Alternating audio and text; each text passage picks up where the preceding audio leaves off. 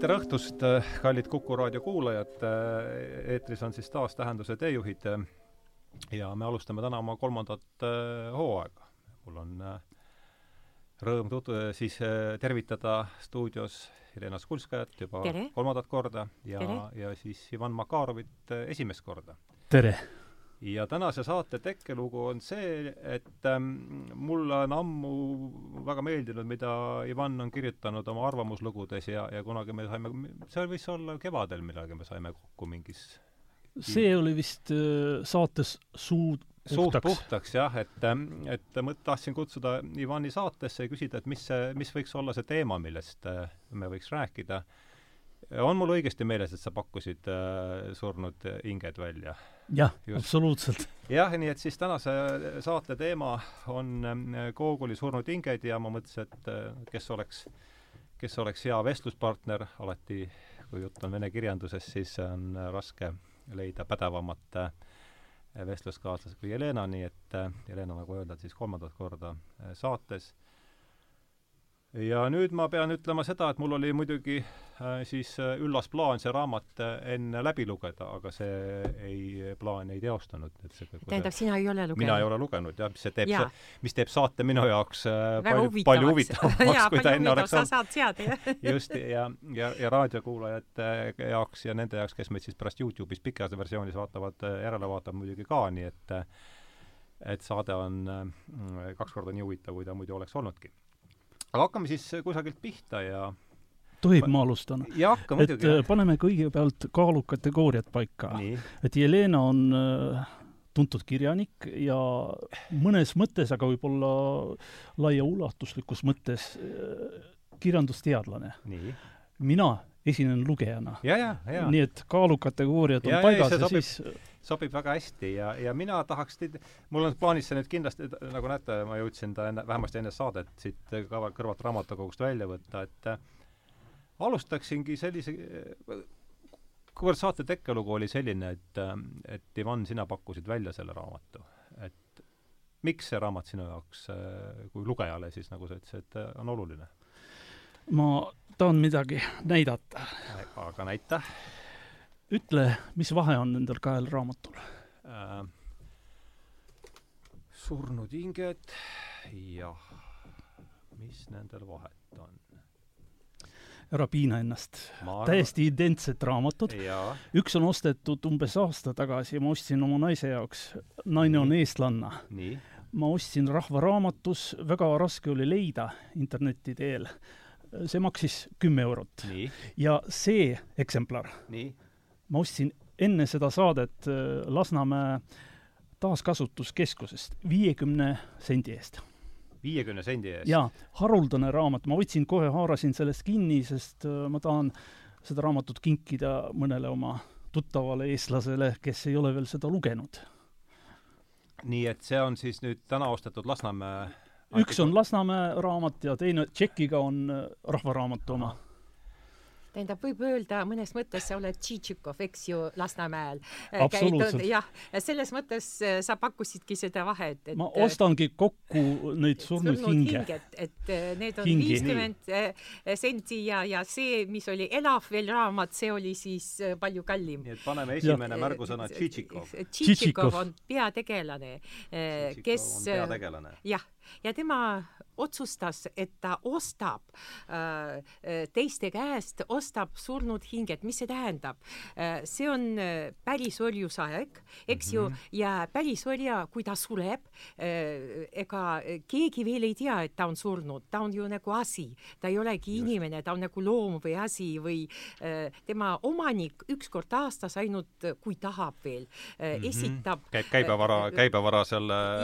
nimistu üle. ta, ta esitab, et näiteks need on surnud, aga mõnikord ta on laisk ja, ja ei tee seda ja need surnud inimesed äh, on tema nimekirjas, tema peab nende eest natuke maksma mm -hmm. käibemaksu, et ta on oma, no tõesti jah ja, ja. ja siis Tšitšikovil tuleb selline idee, et ta läheb äh, ühes linnas ja ostab neid surnud inimesi endale, et mm -hmm. nad ei mhm. ole absoluutselt midagi kasu neil ei ole, aga ta saab esitada komiteesse äh, tähendab hooldajate komiteesse, et ta saab toetuse nende jaoks, et nad viib mm -hmm. neid teise, kuskile teisele külasse ja selleks ta palub raha tähendab, no tähendab, tema mõtteviis on väga kummaline, imelik, no kõige tähtsam on, et ta on omanik, paljude inimeste omanik.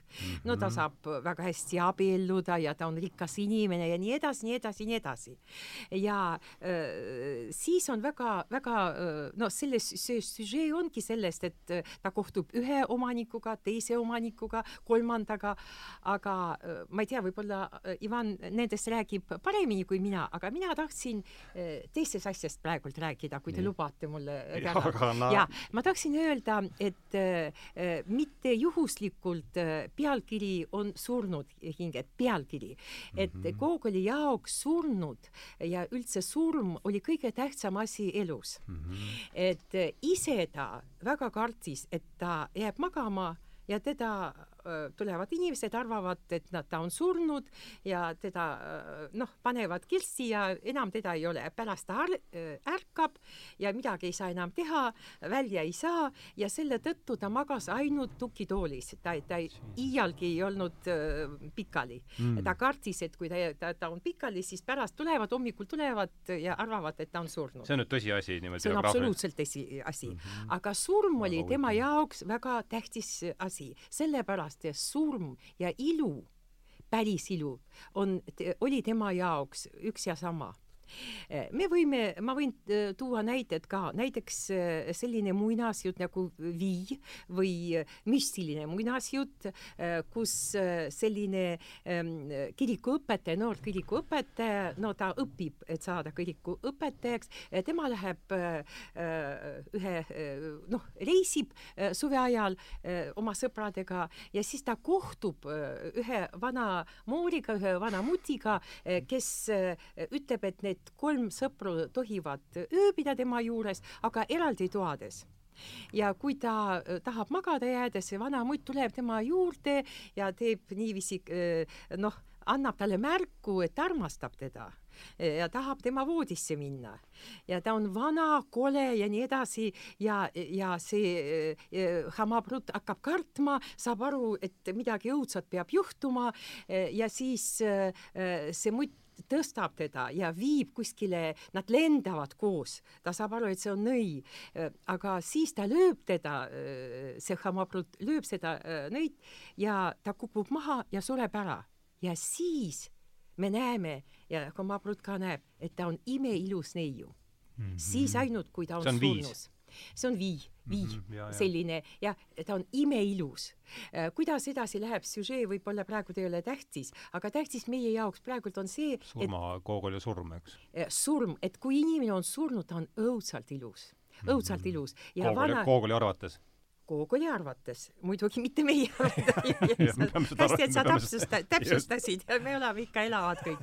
no, no tähendab, imeilus neiu on ja äh, pärast äh, no Hamabrut sureb ka, sureb ka ära, sellepärast et kirikus kõik juhtub, ta ärkab üles, no, no see ei ole enam praegult meie jaoks tähtis. teine asi, et temal on selline romaan äh, nagu Taras Bulba. -hmm. olen lugenud. oled isegi lugenud, jah. vaata, seal äh, isa tapab oma poja äh, sellepärast, et poeg on reetur ja ta ütleb, et äh, tänu mulle sa sündisid ja nüüd tänu mulle sa sured mm. -hmm. ja pärast Gogol, kui ta, kui isa tapab selle poja ära, siis äh, ta kirjeldab, kui ilusaks muutus tema nägu, selle poja nägu. no ta on kas-, täiskasvanud mees ja pikalt-pikalt seletab, kui ilus äh, ta on. ja alati, kui me võtame Gogoli teosed, me näeme, kui inimene on juba surnud, siis ta on väga ilus. siis, kui on ta elav ei tea, mida oodata, ei tea, mis temaga võib juhtuda, ei tea, no Gogolil ei olnud ühtegi armu äh, situatsiooni ega naistega ega meestega, aga Rozanov, Vassili Rozanov arvas, et Gogoli äh, armastas surnud inimesi. jah, ma olen Kas, ka kuulnud ja, seda, jah. oli temaga tal midagi, ainult unistused või mingisugused, mingisugused noh käitumised selles, seda me ei tea, keegi ei tea, Rozanov ka ei tea. aga äh, kui me räägime nüüd sellest romaanis ikka väga tähtis asi on see, et kõik teised asjad on kummalised, aga see asi, et, et nad on surnud hinged, surnud inimesed, see on väga tähtis tema viimase mm, romaani jaoks. Mm. -hmm see on päris äh, verdaretav äh, tähelepanek. Äh, ma isegi kaldun arvama, et Nikolai Vassiljevitš Gogol oli selline varajane satanist. Et kui ta arvas, et no satanisti sugemetega oli. aga kui rääkida sellest Homo brutist, siis mind ajas see naerma, sest äh, vendadel Strugatskidel on selline suurepärane romaan äh, Esmaspäev algab laupäeval ja seal on ka olemas Homo brut, sinna ja. üldse on äh, kogutud igasuguseid muinasjutulisi tegelasi ja igasuguseid viirastusi ja nemad omavahel suhtlevad, juhtub igasuguseid asju. Strugatskitel, jah? Strugatskitel mm. Aga kuna me rääkisime veel Tšitšikovist, siis äh, Valmar Adams kirjutab selles mm, raamatus äh, järelsõnas raamatule Surnud hinged, see väljaanne, mis mul on praegu käes, tema kirjutab Tšitšikovist äh, huvitavaid asju, muidugi see järelsõna oli kirjutatud Nõukogude ajal, et Tšitšikov kehastab ajalooliselt uut omandajate äh, see tähendab varakapitalistlikke spekulantide ühiskonnakihti. tähendab, et äh, vaadake, kui vaadata seda Eesti taasiseseisvust mm, -hmm. siis äh, pärast seda meil oli ju varakapitalism, see kõik hakkas alles tekkima ja siis äh, tuleb meelde, et väga paljud Eesti ettevõtjad ostsid ja pärast müüsid edasi kasumiga midagi sellist, mida ei ole olnud. aga kui võrrelda praeguse ajaga, siis mul kohe tuleb meelde, Tšitšikov ostis äh, kokku surnud hingi ja hangeldas nendega, aga meie Euroliidus hangeldame süsihappegaasi mm. -hmm. tegelikult äh, seda kaupa ei ole olemas, aga meie hangeldame. bilansis on äh, kirja immateriaalsed varad. jah, ja, ja see on muidugi äh, vapustav. üldse Eesti jaoks praegu on väga olulised figuurid, näiteks Tšitšikov, siis on väga oluline figuur Nozdrjov. Nozdrjov jaa, äh, Sobakevitš ja Pljuškin, nemad on sellised rohkem äh, konservatiivsed, mitte selles mõttes, et kaabudega, aga nemad on sellised natuke ajast ja arust. aga Tšitšikov, siis Nozdrjov, see on aferist, ja muidugi see aga äh, Manilovit sa unustasid, see on kõige tähtsam figuur. Manilov, jaa, Manilov, see on iga erakonna esimees enne valimisi, ta on Manilov jaa, et kui ehitaks silla. kõik sulle, kõik. jaa, vot meil on tiik ja tiik, ehitame silla üle selle tiigi ja selle silla peal siis kaupmehed müüvad igasuguseid villaseid kangaid ja ma ei tea, kõrvitsaid ja kartuleid ja sealiha. selline ja, unistaja, aga samas ta istub kogu, kogu aeg tugitoolis ja ei tee mitte midagi. ja kui oli, oleksid siis valimised ja Manilov oleks valitud siis need äh, valijad ei oleks saanud mitte midagi sellest mida oli lubatud, ei seda silda, et neid kaupmehi ega sealiha. Tead, sa oled selline oletaja, oletaja, kui mina olen oletaja või sina või sina, ükskõik, no keda me valime, kui mitte Manilovit no kui sa, kui ikka lubatakse sild üle tiigimessa, siis äh... Nostrjovit on ka meil päris populaarsed. räägime, räägime, ma... räägime Nostrjovist ka natuke, kui see nimi juba läbi enne seda ma pean ütlema, et Valmar Adams oli minu õppejõud ülikoolis. No.. ja, ja tema siis ütles niiviisi, et peale seda, kui mina Pariisis koos Igor Siverjaniniga äh, ajasime äh, taga äh, noori tüdrukuid, Pariisi tüdrukuid, peale seda midagi huvitavat minu elus ei olnud. seda näitas Adamse ja seda ütles Valmar Adams ja oma loengutel. nii et äh, siis ta oli umbes kaheksakümmend ja aga väga hästi mäletas, äh, kuidas see kõik käis Pariisis tol ajal, kui ta, kui ta, ta käis seal. ta oli Severianiniga semu siis? ja, ja, ja oli küll jah. Äh, ja tähendab. see võis olla ikka päris pitoresked episoodid seal Pariisi tänaval. no, no ja, aga, aga ma võin öelda, et siis, kui ta kirjutas need te kõik teised asjad ja tema, tema kohta mul on ka üks väga naljakas lugu Gogoli mõte, et ta ütles, et need tüdrukud, no ta oli umbes kaheksakümmend, meie olime seitseteistaastased. Ja ta ütles niiviisi, et need tüdrukud, kes panevad väga lühikesed seelikud, nemad, need tüdrukud saavad viie eksami eest. Äh, vot, ja meie kõik õmblesime öösel need seelikud nii lühikeseks, et üldse ei saanud käia, et ja tulime eksamile ja ta pakkus meile diivanit, et istuda, selline pehme diivan. me kukkusime sinna pehme diivanisse ja seelikut enam nagu ei olnudki meil. ja, ja siis me hakkasime tilima neid alla. Ja Valmar Aades ütles mulle rangelt et äh, ütle palun, tüdruk, mida sa peidad, sul on vist seal kirjutatud vastused, ma panen sulle kahe ja mine ära ja õpi korralikult äh, seda folkloori, mida ma andsin sulle ja siis tule järgmine kord äh, tee eksami ära. nii et äh, tähendab, ta tegi nalja selle, selles mõttes, et nendest lühikestest seelikutest kasu ei olnud pärast. aga mida ta kirjutas Gogolis, see on ka natuke, ma ütleks, et see on õige asi. asi on selles, ma mõtlen, et ikka Tšitšikov on selline, ta on kurat ta on väike kurat. Mm., äh, ta ei ole inimene, äh, ta on tühi äh, sees, ta on tühi. Ja Gogol isegi mõtles tema, temale välja selle pohla värvi ülikonna, et kui on mida, mingi pidulik asi, kuskile ta pidi minema, ta pani seda pohla värvi ülikonna. pohla värvi sädemega. Jah, täpselt, aga vaata, sellist polnud Gogoli ajal üldse keegi ei kandnud sellist värvi.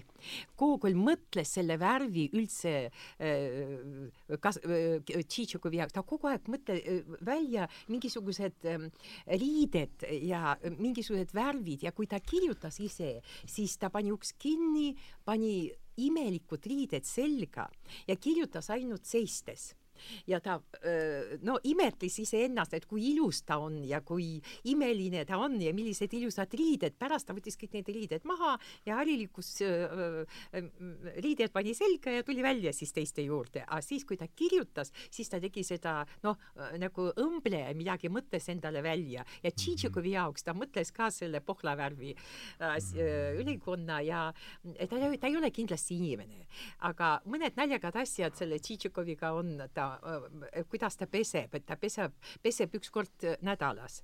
Et kolmapäeviti, kui ma ei eksi, ja siis ta kuskile pidi minema ja ta mõtles, et täna ei ole kolmapäev, aga vastuvõtt on väga äh, tähtis. Ja ta mõtles, et käed ja kaela ta ikka peseb ja siis paneb selle, selle uhke üle, ülikonna ja läheb välja. aga nüüd teistest tegelastest, no minu armsam on Pljuškin. Pljuškin ja äh, Pljuškin oli väga, äh, on selline väga tagasihoidlik mm, inimene, kes ei vaheta riideid, äh, kellel ei ole teenijaid, kes teeb absoluutselt kõik ise ära ja korjab kõik isegi pisiasjad ja kõik sellised, no mitte midagi ei kao tal, kõik ta kogub ja kõik ta hoiab ja ta ei raiska raha üldse. mikspärast ma armastan teda, sellepärast et mina nagu Pljuškin korjan kõik tähtsad kirjad äh,, mis inimesed mulle kirjut-, kirjutatud on. Ja mõnikord nad saavad klassikuteks.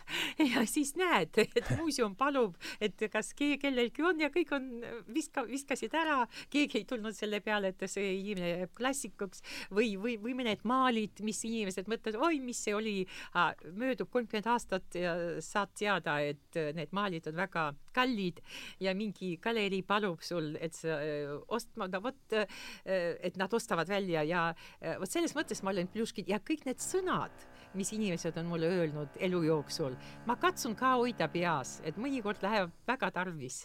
vot selles mõttes ma olen Pljuškin, mitte teistes mõttes ma ei tea, kas sul on mingi sinuga sarnane äh, inimene seal? kindlasti on, aga mitte Pljuškin. aga Kes Pljuškinist ma räägiksin Aha. veel nii, et äh, Eesti kuulajad, aga Kuku raadio kuulajad ongi enamasti ikkagi eestlased nemad kindlasti on näinud telesarja History telekanal on mm -hmm. selle nimi. telesarja nimi on American Pickers seal kaks ettevõtlikku meest, üks on Mark ja teine, ma ei mäleta, nemad sõidavad äh, furgoonautoga mööda Ameerika Ühendriike ja äh, otsivad üles inimesed, kes koguvad igasugust trääni mm. -hmm. majad täis igasuguseid vanu asju, toovad äh, igalt poolt äh,, kus on äh, need prügilad, siis ostavad odavalt igasugust kraami, nendel majad on täis igasuguseid asju, vanu autosid, igasuguseid vanu telekaid, vanu kellasid, skulptuure ja nii edasi ja nii edasi. ja need kaks meest otsivad sealt kõik pärlid välja ja ostavad kokku. vot need inimesed, kelle juurde nad Ameerikas sõidavad, need ongi kaasaegsed Ameerika Pljuškinid. kuna Pljuškinil oli täiesti täis see maja igasuguseid asju, ta, ta ei visanud Prügiga, mitte midagi ära.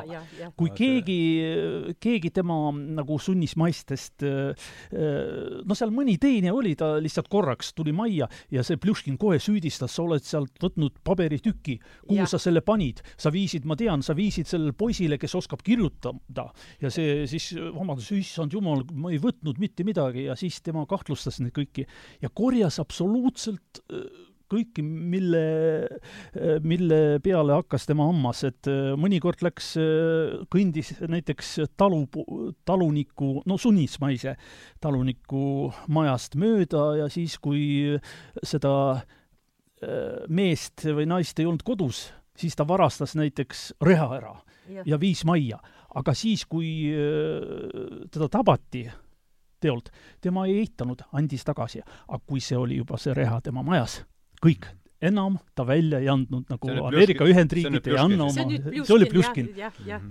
Tõesti kihvt tegelane jah, no kõik on kihvtid ja no, no, no ma ei tea, äh, mulle väga meeldib, kuidas äh, äh Sabakevitš ütleb, et äh, kõik on absoluutselt halvad inimesed. üksainuke on hea inimene meie linnas, prokurör. ja seegi siga. seegi, seegi siga seal, jah. ja, ja, ja see mulle väga meeldib, et kui keegi hakkab teisi solvama või rääkima, siis mul alati tuleb meelde see, see lause, et kõik, kõik on halvad inimesed, ainuke hea on prokurör, temaga siga. muide, see Sobakevitš ükskord ütles fraasi, mille sisust ma sain aru siis, kui ma olin juba täiskasvanud, rohkemgi juba, ma ei tea, võib-olla kolmkümmend aastat vana ja juba rikutud mees, ma sain aru tema ütles, et äh, no tema sõi ainult traditsioonilisi vene roogasid, Sabakevitš, äh, tema armastas seal, äh, kui näiteks lammas, siis kohe pool lammast selle ja. tatraputruga ja siis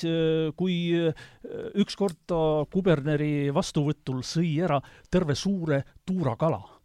Ja siis ta ütles, et äh, igasugune dieet on välja mõeldud igasuguste saksa ja prantsuse Äh, meedikute poolt, et äh, see, et sakslastel on selline vedelkont, nemad arvavad, et nemad veel saavad jagu venelase maost, ei saa.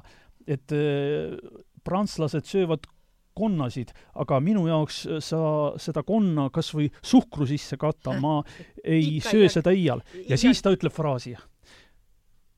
mina mitte kunagi ei võta suhu austrit, sest ma tean, mille moodi auster välja näeb. ma alles suures peas sain aru, mida ta silmas pidas aga ma ei julge seda öelda. saad sa? no meie kõik no. oleme näinud. ja, ja alles, alles hiljem, palju hiljem ma sain aru, mida ta silmas pidas. aga see on mõtlemisainet siin natuke kuulajatele. tead, need, kes oled, kes on näinud, need, need said aru sinust. ja see on väga naljakas asi, aga ma pean ütlema, et Tšehhov näiteks võttis selle Sobakevitši mõtte, et Tšehhovil on väga huvitav novell, kui sa mäletad, kui üks prantslane äh, istub istub Vene äh, äh, restoranis ja vaatab, kuidas venelased söövad. ja sa rääkisid sellest, ja, ja, ja räägi uuesti. jah, jah, nad ütlevad, ta tuli, vaatab, et sööb ühe rooga ära, teise, kolmandat, siis võtab pannkoogid, üks nelikümmend pannkoogid, siis veel nelikümmend ja siis see prantslane ei saa enam kannatada, tuleb tema juurde, ütles, et teate, te olete veel noor, ega ei pea ju nii surema, surema ära, et ärge surge no te, te, te ei saa ju nii palju süüa, te otsustasite eh, elu lõppu teha, ärge tehke elu lõppu, et teate, te olete veel noor, ta ütles, ma olengi noor, mul on kõik korras, ma sõidan praegu tuttavate juurde sööma. Et peale restorani lähen lõunale tuttavatele. ja seda sa Nii, rääkisid, kui meil Tšehhovi saade oli ja see oli no,, see jäi mulle meelde. jah, no, no aga, no on... aga selle äh, Jelena jutu jätkuks, et äh, surnud hinged on imeline raamat isu tõstmiseks. Mm.. siis, kui, ja absoluutselt, siis kui Tšitšikov satub täiesti juhuslikult öö, külla ühele mõisnikule, kelle nimi on Pituh Pjotor Petrovitš. ja see on õudne söödik päev läbi tema tegeleb sellega, et tellib, mida süüakse lõunaks, õhtusöögiks, hommikusöögiks ja seal on selliseid roogasid, et äh, see Tšitšikov seal sõi kaks päeva vist end täiesti lõhki ja ütles, et täiesti võimatu ja see, kes temaga kaasas oli, see üks selline poolaadlik, poolmõisnik. ja tema koer, nad olid kõik äh, kümme kilo raskemad aga tead, ma pean lisama, et ise Gogol, kes oli väga kõhn, sõi hommikust õhtuni äh, ise äh,, armastas süüa, väga armastas valmistada äh, Itaaliate pasta, vot äh, äh, ja si-, juustuga. ja siis, kui ta kutsus külalisi, harva kutsus, aga kui ta kutsus, siis ta, nad pidid vaatama, vahima lihtsalt, kuidas ta valmistas. ja need makaronid ei olnud päris äh, valmis, talle meeldisid äh, need, mis ei ole päris valmis veel, et äh, pooltoored nii nii-öelda jah, ja, ja, ja siis pani ja kõik pidid sööma väga palju ja ta kontrollis, palju keegi sõi. Ja ise sõi nii palju, et see oli uskumatu, ta oli ju nii kõhn ja aga armastas valmistada neid ja süüa kogu aeg. aga räägikski võib-olla natukene nüüd Gogolist laiemalt, et mis, mida me temast teame ja, ja, ja mis olud, saame aru, see on päris, pärisorjuse aeg, aegne see lugu, eks mm. -hmm. ja, ja et mis, millisel kohal, et see, see surnud hinget Gogoli loomingus on, et võib-olla võtaks Gogolit laiemalt just no, no kui me niimoodi. võtame laiemalt, temal oli kõige suurem petja üldse vene kirjanduses. Gogol oli suurim petja vene kirjanduses? muide, praegu käib suur vaidlus, kas no, ikka no, vene kirjanduses no,. sest vaieldakse, kas Gogol on Ukraina kirjanik Aa, no, no, ja, või vene kirjanik ja, ja praeguses poliitilises olukorras no, see on, on eriti teravnenud. omal ajal veel ja. vaieldi väga, kas äh, lauljatar Sofia Rotaru on ikka Ukraina või Moldaavia, Moldaavia oma, aga ja. no muidugi me ei võrdle neid pisikest asja ja, suurega. aga no, no ütleme, et äh, ta kirjutas vigadega vene keeles, ta kirjutas ikka vene keeles mm, -hmm. muide vigadega, aga kui talle parandati, siis ta tegi suure skandaali ja jättis nii, nagu tal oli kirjutatud, et ta Aha. ütles, mina paremini paremini seal, kuidas peab olema. ja siis tema oli selline inimene, kes no pettis oma emad, oma sõpru äh,. Niiviisi näiteks ta sõitis Roomasse, kus ta enamasti armastas elada. Ja sealt kirjutas näiteks emale kirja, et tead, praegult Peterburis on väga külm ja ma, mul on nii raske elada seal. Tegelikult ta oli Roomas juba, tal oli väga soe ja ilus ilm ümber, aga ta, ta ei saanud ausalt midagi öelda. Ja kõige suurem vale oli seotud Puškiniga Aha. et ta kogu aeg ja meil äh, õpikutes on ka, ka kirjutatud, et Puškin talle äh, kinkis revidendi süžee Mm -hmm. et me kõik mäletame, no Revidendi sa oled vist lugenud, eks ju, Revidendi, et ei, ühes, üheks, üheks väikses linnas. on üsna väga, ikkagi no, väga no, siis piir, ma ütlen sulle lühidalt. kuulus fraas, meile tuli revident ja, ja, ja kõik tarduvad. jah, aga tegelikult oli see väike süžee, näidendi süžee oli selline, et mingi tundmatu inimene tuleb linna, ööbib kuskil väikses hotellis ja siis üks inimene, kaks inimest linnas, Bobtšinski ja Dobtšinski, tulevad linna valitsusse ja ütlevad, me teame, kes ta on tegelikult me saime aru, et ta on revident ja saadetud Peterburis kontrollida, mis meil siin toimub. ta ei olnud mingi revident, ta oli äh, väike inimene, kellel ei olnud raha, kes ei teadnud, mida edasi teha. äkki teda kutsuvad külla äh,, annavad raha, kõik, kõik äh, kättemaksud igasugused ja pakuvad oma naisi, oma tütreid talle, et ja siis Gogol, no lõpeb see sellega, et nad saavad teada, et ta ei ole mingi revident, aga tegelikult tegelikult, tegelikult nende linna tõesti tuleb üks ja revident. siis ta tuleb. ja siis ja. ta tuleb, aga Meyerhold, kui ta lavastas seda asja, siis see tulija tegelikult revident oligi seesama, seesama näitleja, kes mängis enne seda Hlestakovi, kes tegi noh, keda yeah., koh, kelle kohta mõeldi, et see on äh, revident ja kõik rääkisid, Gogol ise rääkis kogu aeg, et Puškin kingis talle selle süžee tegelikult see oli täitsa vale.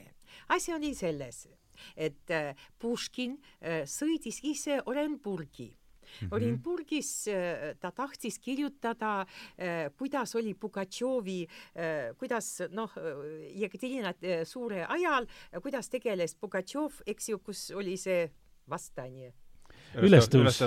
ülestõus, Pugatšov ülestõus. jah, ja ta sai Nikolai esimesel võimaluse ja raha selleks, et ta sõidab Orenburgi, kuhu tuli Pugatšov ja seal korjab dokumenti. kui ta tuli vaikselt, selline pisikene väike inimene, tuli linna, istus arhiivides, seal otsustati, äkki tuli revident mm. -hmm. no kohe selgus, et ta ei ole mingi revident, aga ta on öö, kirjanik ja kui Puškin tuli tagasi Peterburi, ta rääkis, ta rääkis Pierre Richard, eh, pikk blond mees, must king jalas.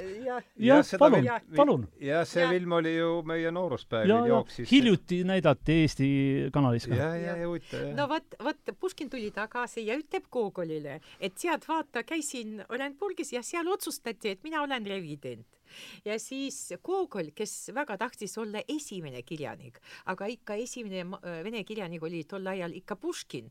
Nad no, omavahel olid tuttavad siis? jah, muidugi. ja äh, siis Gogol otsustas, otsustas, et ta natukene alandab Puškinit ja mhm. kirjutas selle revidendi. revidendis on selline, selline repliik, kus see Hlestakov, keda arv-, no kelle kohta arvavad, et ta on revident, ta ütleb, oh, mul on nii suured tutvused Peterburis, et näiteks Puškiniga oleme äh, lihtsalt suured sõbrad, mõnikord ütlen, noh, Puškin, kuidas sa elad?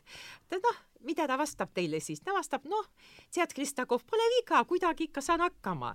tähendab, see oli täpselt, tol ajal inimesed said täpselt aru, et ta mõtles, et Puškin ongi see Hrestakov, kes ei ole nii suur kirjanik, nagu kõik ümber mõtlevad, aga ta on mhm. väike inimene, aga suur kirjanik on ainuke ja see on Gogol.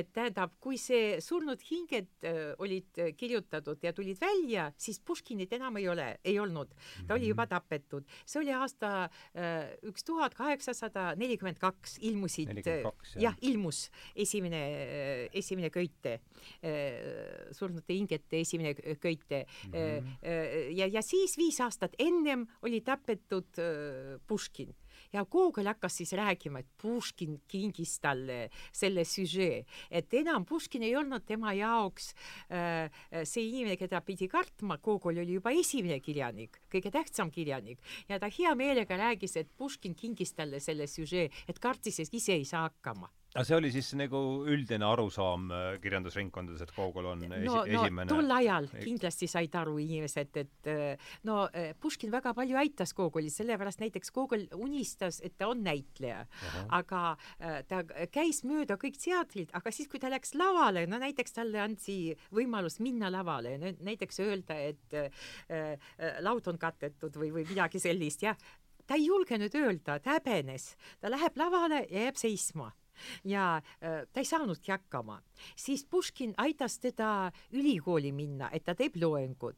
kuidas ta tegi, läheb kateedrisse, äh, vaatab auditooriumit ja on vait ja ei ütle ühtegi sõna ja nii see oli näiteks kaks nädalat Puškin äh, no üritas kuidagi, et ta saab hakkama, no ta häbenes, ta häbenes inimesi, kartis neid elavaid inimesi ja ei öelnud ühtegi sõna ja läks ära siis. ja äh, kaks korda niiviisi tahtis ähm, Puškin teda aidata, lõppude lõpuks Gogol sai klassikuks, aga äh, ta kirjutas väga häid näidendid, aga näitlejaks ta ei saanud. Nii et äh, Gogolit ennast siia saatesse kutsuda ei õnnestuks. ta oleks vait. oleks vait, oleks vait, aga pärast oleks meist kirjutanud kindlasti. Ja ei tea veel mida. Ei, võib arvata. Muidugi me ei oska tal oli terav sulg. Ja, ja äh, kõik oleksime sellised lollakad. Nii et äh, selline inimene ta oli, väga imelik, väga kummaline ja siis ta Tundub veel, jah, aga ta oli geenius ja ta arvas, et teised inimesed näevad sa-, no kõik asjad nii, nagu temadki ja kui ta istus, sõitis Itaaliasse, kus ta kõige rohkem meeldis elada, siis ta oma tuttavatele kirjutas kirja, et eh, näidake mulle eh, ise, millised oh, no mõistnikud on eh, te, teie ümber, millised eh, no inimesed teie ümber eh, elavad, et kirjutage, millised nad on, millised, milline iseloom neil on, millised karakterid neil on ja läks nii vihaseks, et äh, tema äh, inimesed, kellega ta, tal olid suhed, ei osanud kirjutada nii hästi nagu tema mm. -hmm. ja ütles, kas see on raske siis, kirjuta nii, et ma hakkaks naerma, et ma hakkaks nutma, miks ma pärast sa kirjutad nii halvasti, et vot selline on ta ja, ja tema vanus või midagi sellist. nimetad, midagi rohkem ei saa sinust teada, oled loll või? ta arvas, et kui inimene väga tahab, ta peaks oskama seda kirjutama mm. -hmm nii et ta oli siis ikkagi eluajal juba hinnatud äh,, oma eluajal hinnatud kirjanik väga, me peame ütlema, et nii natuke kiusatud ka no,, sest natuke, on olemas äh, kaks ja. redaktsiooni sellest surnud, eriti kapten Kopeini, Kopeikini loost. Äh, üks on tsenseeritud, teine ja. ei ole tsenseeritud ja siis, kui ta hakkas väike osa, see ei ole suur osa. jaa, see ei ole suur, aga üsna oluline. kapten Kopeikin on nüüd üks tegelane siis sellest ei, see, see on seal no, selline novell, mis on sisse pandud no, jaa, novell, see oli episoodina sisse pandud tõesti, nagu ütleb Jelena novell ühest kaptenist, kes sõdis Vene impeeriumi eest, jäi jalast ilma ja käest ka. ja käest ka ja siis tahtis pensioni saada ja läks sinna Peterburi linna nõudma pensioni, esi, esialgu võeti vastu, öeldi, et vaatame ja tema oli väga äh, nagu kõrvust tõstetud ja arvas, et kõik on korras, läks äh,, raiskas kogu oma raha ära, aga pärast venitati, venitati, õudne bürokraatia oli ja siis äh, lõpuks jäi kõigest ilma. ja siis äh, talle öeldi ei ja saadeti Siberisse, kuna ta hakkas mässama. Ja siis Siberi metsades ilmus välja mingisugune röövel ilma jala ja käeta. ja arvati, et see on Kopeikin mm. -hmm. aga ei, tegelikult äh, see, selles kohas äh, seda vestjat katkestati, et ja. see röövel ilmus küll välja seal äh, Siberi metsades, aga siis teised ütlesid, kuule, kuule, Kopeikinil ju ei olnud kätt ega jalga, aga tol röövlil oli ja. kõik jäsemed olemas nii et see on üks siis novell siis surnud hingedega? jah, sisse pandud novell, aga ma pean ütlema, et siis, kui näiteks tapeti aasta eh, tuhat kaheksasada nelikümmend üks Lermontovi, siis -hmm. Nikolai Esimene ütles, et äh, koer sai koera surma ja siis no, tema Putin ütles Politkovskaja kohta. ja, ja siis tema ja. naine, Nikolai Esimese naine ütles, et, et Äh, Nikolai, ära räägi niiviisi, ta oli ikka suur kirjanik. noh, hea küll, hea küll, natuke liiga. siis, kui tapeti Puškinit, äh, Dantes aasta kolmkümmend seitse, mhm. äh, tuhat kaheksasada, siis Nikolai Esimene oli lihtsalt väga rõõmus, väga heas tujus aga kui suli Gogol, siis no üldse Gogoli kohta ta räägis ainult head asjad. Nikolai Esimene. jah, seesama Nikolai, ta, ta oli sama kaua nagu Stalin Venemaal, kaks aastat tuhat kaheksasada kakskümmend viis ta läks trooni ja suri ära tuhat kaheksasada viiskümmend kuus. nii et noh, umbes samuti mm -hmm. nagu Stalingi ja äh, nagu Stalingi piinas ja saatis välja oma kirjanikke. mis ta oli, kakskümmend viis kuni viiskümmend kuus või? jah nii et kõik Gogoli Gogolil võimudega siis probleeme ei olnud? ei olnud, ei olnud, Gogol me- no,, no, meeldis natuke, talle. natuke oli. no, no natuke no, oli, aga vaata, tsensuur näiteks, tal oli aga revidendi ta võttis väga hästi vastu ja ütles, väga hea näidend, las nad kartavad Nikolai jälle? jah, jah jah, no, no mõned teised asjad ka, no muidugi mõned väiksed arusaamatud, no, no mingid väiksed asjad olid, aga mitte nii nagu Puškinil ja Lermontovil. et ikka Gogol kõikidele meeldis tegelikult, kõikidele. Mm. -hmm igavene petja, kes ei eriti minule. jah, kelle, kedagi ei armastanud, eh, keegi ei olnud talle tähtis, ainuke inimene, keda ta natuke kartis, oli tema ema, kellele ta kirjutas ikka. Mis ta üldse see taust oli, kust ta on mõisnike hulgast välja kasvanud või mis, ega ei tea, ma olen selle, selles osas üsna niisugune puhas ta ei olnud jah, ja on küll, aga ta ei olnud rikas inimene, ta oli selline eh, noh, sünd, mis aastal ta sündis üldse, on, oskate nimetada? tead, ma ei ütle, ma mäleta, ma ei mäleta, vaata, vaata palun. no ma vaatan, kui ma, ma kardan, et äkki ei leiagi praegu. aga guugeldada võivad kõik no, meie no, kuulajad. no, no häbi on, tead ma. no tead, ega kõiki ka no, ei no, ikka Puškin sündis tuhat seitsesada üheksakümmend üheksa. no siis ikkagi üheksateist sajandi. Lermontov neliteist, kaheksasada neliteist. kuskil nende vahe, no kuidas. üheksateist sajandi algus, esimene kümne on. no peame vaatama, kas esimene, ei, ei, mitte esimest, vaatame ikka järele, guugelda, teeme järge selle kuidagi lendas peast välja. on, on häbi on. nii, Gogol sündis meil Ukraina kirjanik, ütleb Vikipeedia. no vot, palun. tuhat kaheksasada üheksa kuni tuhat kaheksasada viiskümmend kaks. eks ma öelnud, eks ma öelnud, nagu ütles üks kevade või selle suve, suve juba, suve kangelane, kiire vend. ahah eks ma öelnud. ma nüüd ür-, natuke, nagu ma ütlesin, raamatut ma jõuda ei, ei jõudnud läbi lugeda, aga, aga siin ennast kiirkorras äh, harida kuulasin äh, hommikul mingi paarkümmend minutit, seda ei jõudnud läbi kuulata, oli see Dmitri Põõkovi loeng äh, surnud, surnud hingedest, väga huvitav algus oli, et kindlasti tahan selle läbi kuulata ja seal ta ütles sellised äh, päris äh, uljaid väit-, uljad väited, et Gogol mõtles välja terve Ukraina ja, ja Peterburi veel takkapihta, et mida ta selle all, all võis nagu, et, et Peterburi ei mõelnud tegelikult välja Dostojevski, vaid, vaid hoopiski Gogol, et kuidas sellesse, kas, kas te suudate haakuda selle see oli Põkovi iroonia tegelikult no,.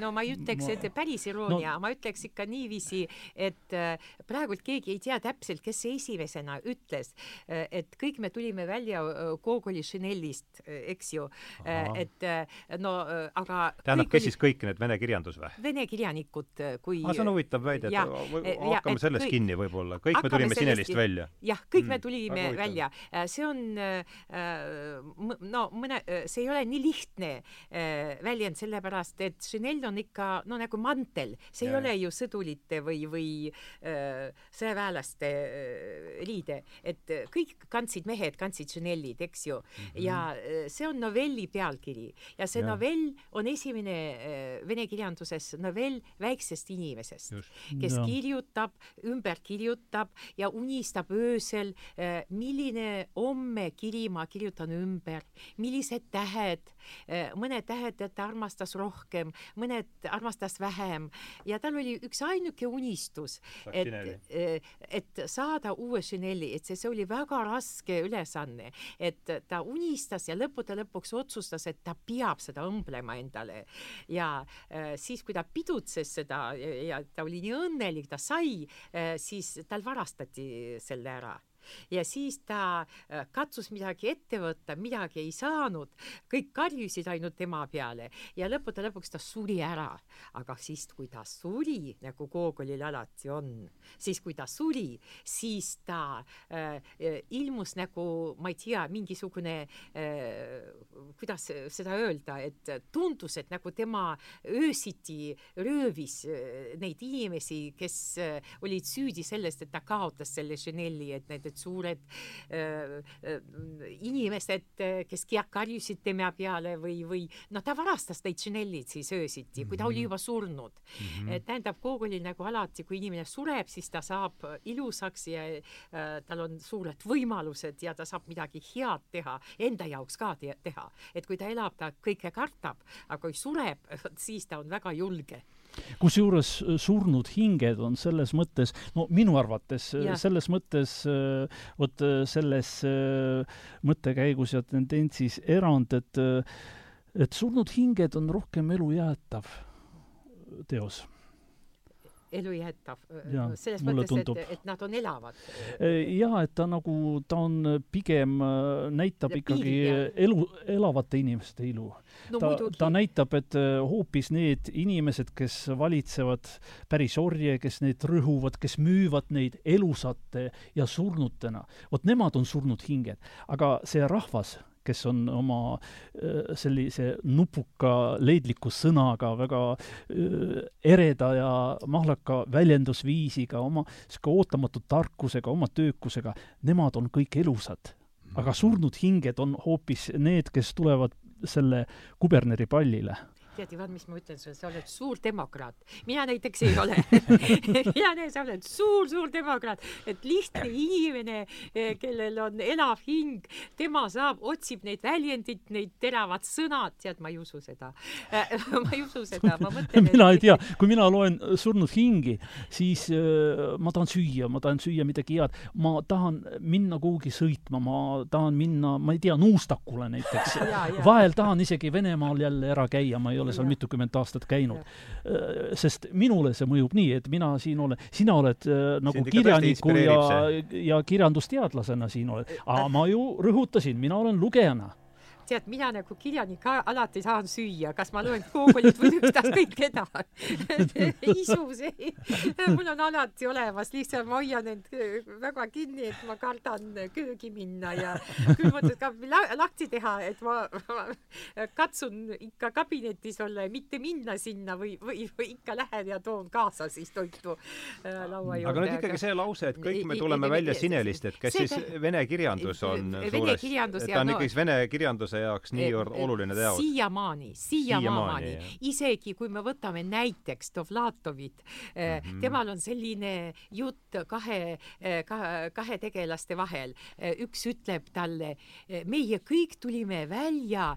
kirjandusringist, mingisuguse tehase kirjandusring oli seal ja, ja siis see teine heategelane vastab, aga mina mõtlesin, et meie kõik tulime Gogoli Chanelist välja.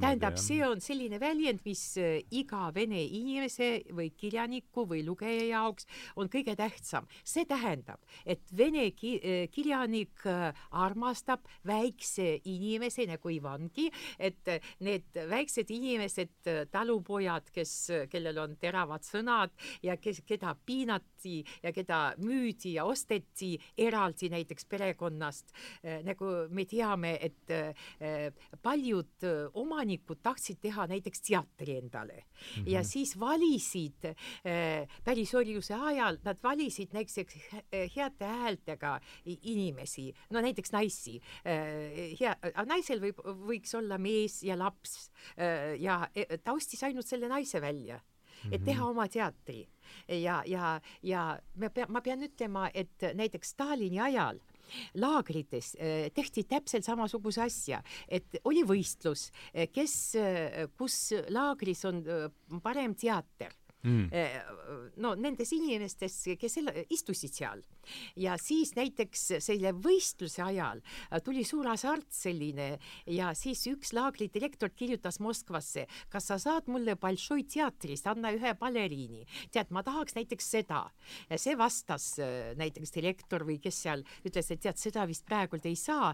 Äh, ta, ta paljudele ülemustele meeldib, kuidas ta tantsib, et tead, praegult küll ei saa, aga tead, ma pakun sulle sellist, vot, kes oli ka selline kirjavahetus käis. selline käis kirjavahetus, et kas tahad sellist, oh, tead, anna siis kaks sellist, sellise tasemel baleriini. no sama lugu, mis äh, nii, ma ei ole küll raamatut lugenud, aga see kõlab nagu ei, see, see oli Stalini ajal. ja, ja ma saan aru, aga seesama lugu nagu ei, no, no muidu, muidu päris orja ajal oligi niiviisi, et ostavad äh, naisega ei taha võtta no, aga Gulagi süsteem oli ju päris orjuse jätk. jaa, aga seal teatrid olid sellised teatrid, millist me iialgi ennem ei näinud ja edaspidi ka ei näe, et parimad näitlejad, need lihtsalt palusid neid endale ja siis nad mängisid neile sellise nii hästi Siberis kuskil, laulsid nii hästi Siberis ja maalisid, ehitasid eh, või, või midagi veel tegid, et lihtsalt tahan sellist kunstnikut või tahan sellist näitlejannat või, või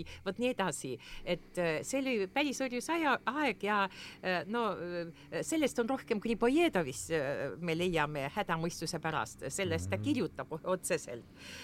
aga no surnud hingedes lihtsalt noh, soovivad, kui ta ostab neid äh, surnud, ütlevad siis, äh, ma ei mäleta, kes see müüb ja ütleb, et tead, ta on nii hea meister, tead, sellised head lauad tegid mulle, toolid, äh, võta terve perekonnaga. ei, perekonda ma ei võta, nad on kõik surnud juba, aga Tšitšikov ütles, ei tead, perekonna ma vist ei võta, mis ma teen nende naistega ja lastega, tead, ostan välja ainult selle mehe mm. -hmm. nii et kes... ta isegi surnud hingi ostis meeshingi ta ei tahtnud ei tahtnud naisi, naisi ei tahtnud, ja lapsi, jah, ei tahtnud, et ta ikka kujutas ette, et ta, tema on omanik, aga tema äh, äh, need inimesed, kes on tema orjad, et, et nemad on ikka äh, meeste, meeste soost, et ta ei tahtnud lapsi ega naisi, ei tea, ei tea, mis nendega teha. Mm. -hmm. nojah, sellele väikse inimese problemaatikale ja selles, sellele, selle seotusele hilisema Vene revolutsiooniga, sellele jõudis ka Põõkov oma selles loengus, mida ma täna hommikul siin kuulasin. Äh, viidata, et see väikese inimese hinges äh, peituvad sellised, sellest äh, tumedamast poolest, mis siis lõpuks seal selles teises osas sa, mõtled? ei ta mida, mida, ei ta rääkis pigem, ei pigem ikkagi ta rääkis sellest Sineli kontekstis, et selle, selle väikese inimese hinge tumedamast poolest, mis siis seal sajand hiljem, tuhat üheksasada seitseteist lahvatas. kui eh, minu käest küsite, siis mina näiteks vihkan üldse sellist mõistet nagu väike inimene. minu arust see, see nagu, minu leksikonis see puudub täiesti, mm. täielikult. aga mis sõna sa selle asemel kasutaksid? ma ei kasuta inimene, inimene., inimene on inimene, mm. inimene on elus olend, inimesel on hing, inimesel on tunded, inimene tunneb valu, inimene tunneb rõõmu, inimene kardab surma mis, kas see on väiksem valu kui meie oma? kas see on äh, väiksem rõõm kui meie oma? kas äh, nõnda nimetatud äh, väike inimene või veel ilgem mõiste on lihtne inimene? mis, mis mõttes lihtne inimene? Tead, mulle tundub, amööbid on lihtsad. kuskil äh, väikse saare peal, ei tea ümbrusest mitte midagi, vabanda palun. tead, kui mina töötasin Vene teatris ja meil tuli, tead, ja meil tuli uus direktor, äh, ei, mul tuli, meil tuli uus direktor Margus Allikmaa. Äh, esimesel päeval ta ütles mulle, tead, ei, ütles mulle kohe, et tead, Helena, lepime kohe kokku, et meil ei tule vaidlust, ei tule konflikti. tead, mina olen ülemus, sina oled loll sina oled üli, ülemus, mina olen loll. seda räägib vana äh, Eesti selline tarkus, niiviisi ütleb. ma ütlesin, Margus, tead, vana vene tarkus ütleb sama äh,, samuti, et äh, kes on ülemus, on targem äh,, kes ei ole ülemus, on loll äh,. see oli nõukogude ajal niiviisi, alati mulle öeldi ja nüüd ütlevad mulle samuti, et äh, ma ei taha elada niiviisi, et äh, keegi on targem minust selle tõttu, et ta on ülemus äh, ja ma olen Ivaniga täitsa nõus, et ma tahaks, et oleks niiviisi, et kui sa oled ülemus, sa ei ole ikka minust targem, kui sa tegelikult ei ole targem, kui sa tegelikult oled, äh, siis mina võin olla ülemus. aga äh, tähendab. ta võib olla targem, aga sina ei ole temast väiksem aga, aga tead... ometi see väikese inimese temaatika, seda niimoodi, see on üks, ma kujutan ette, kas vene kirjanduses on ta üks ikkagi üks meed... kõige tähtsam, üks kõige tähtsam, aga meeldib see meile või mitte, aga see, see jaa, teema see on, on väga, väga, ole... väga tähtis et.... aeg on edasi läinud. aeg on edasi läinud, aga äh, tead, üldse äh, no ma ei, ma ei ütleks, et Venemaal on täiesti kõik muutnud. Äh, ma mõtlen, et see mõte mõte, et see, kes on ülemus, see on targem, parem ja, ja tal on lubatud ja, palju rohkem. vot see mõte jäi. ma toon ühe näite, kui ja, te lubate. et, et, äh, siis, kui äh, Jossif Brodski oli äh, New Yorgis ja oli Nobeli laureaat, siis äh, Sobtšak, kes oli äh, linnapea Peterburis, Vladimir Putini leivaisa. ja tuli, tuli New Yorki ja kutsus teda hommikusöögile kell üheksa hommikul. Sobtšak siis Brodskit? Brodskit New Yorgis hommikusöögile kell üheksa hommikul. Brodski, kes ärgas kell kaksteist päeval Äh, tema jaoks kell üheksa hommikul see oli täitsa võimatu. esimene asi. teine asi, et sinna, kuhu kutsus teda Sobtšak, ta pidi kaks tundi sõitma vähemalt kaks tundi. tõusma kusagil kell kuus. ta pidi tõusma kusi-, kusagil kell kuus, no ajada habemed, no, no panna enne korda, süda tal oli haige ja ta ei olnud juba noor inimene ja ei tundnud end nii hästi. ta sõitis pärast noh, siis Sobtšak ütles, et temal on ainult pool tundi, teeme, sõime seda hommikusöögi ja Brodski oli juba vaba, ta võiks ära minna. tähendab, Brodski kannatas seda kõike ära, mikspärast, kes tema jaoks, Nobeli laureaadi jaoks oli see Sobtšak, ta oli ülemus. Ja Brodski, kes oli esimene, võib öelda tol ajal, no maailma parim luuletaja läks ülemuse juurde ja tal oli teine asi, kui ük, äh, Danil Kranin äh, kavatses minna äh, New Yorki äh, ja ta pidi minema nagu no vene kirjanikutega koos ja nad, neile kirjutati, et äh, nad kohtuvad Brodskiga mm. -hmm. ja siis Danil Kranin ütles, mina ei sõida et siis, kui Brodski pidi vanglasse minema, tema käest küsiti, Granini käest küsiti, kas ta on päris kirjanik Äh, või ei ole, kui ta on päris kirjanik, ta ei lähe vanglasse, sellepärast et siis ta ei ole äh, töötu inimene, ta, ta on kirjanik. Äh, aga ta läks ju selle hulkurluse pärast pandi Trotski kinni, eks? teda pandi see... kinni sellepärast, et tal ei olnud tööd. just, aga hulkurluse paragrahv oli see. jah, jah, jah, ja küsiti Kraani ja Kraanin võiks otsustada ja võiks öelda jah, ta on kirjanik, aga ta ütles, ma ei tea sellist kirjanikku ja kui ta, Brodski oli juba Nobeli laureaat, siis äh, Krani ütles, ei, ma New Yorki ikka ei lähe, et kuidas ma vaatan talle silma, ta on Nobeli laureaat, mina mm, -hmm. minu pärast, äh, no võib-olla Brodski oleks ikka vanglasse minnud, äh, läinud. kaua aga..., kaua Brodski istus? no vähe, ta, ta, ta sai viis aastat, aga mm -hmm. maailmakirjanikud kirjutasid kogu aeg kirju ja näiteks Gendrich Böll ja kõik teised ja lõppude lõpuks ta oli palju vähem äh,. ja ta ei olnud vanglas, vaid ta oli maal kolhoosis ja isegi ütles, et äh, see oli parim periood tema elus, sellepärast ta ärkas kell kuus oma rahvaga ja läks tööle oma rahvaga ja no midagi halba, halba, aga tal süda oli sel ajal juba ka haige, nii et see oli väga-väga suur kannatus tema jaoks. aga mitte sellest ma räägin, et siis äh, öeldi äh, partei komitees või kus kohas, ma ei tea, öeldi, et Granit peab minema ja tema läks ja ütles, et siis, kui tuleb kohtumine Brodskiga, siis tema ei lähe vähemalt sinna. ta ütles, lähed küll ja ta läks ja kui Brodski nägi seda Graninit, ta tegi suured sammud tema juurde, kummardas ja ütleb, et tervist, tervist, see oli ülemus.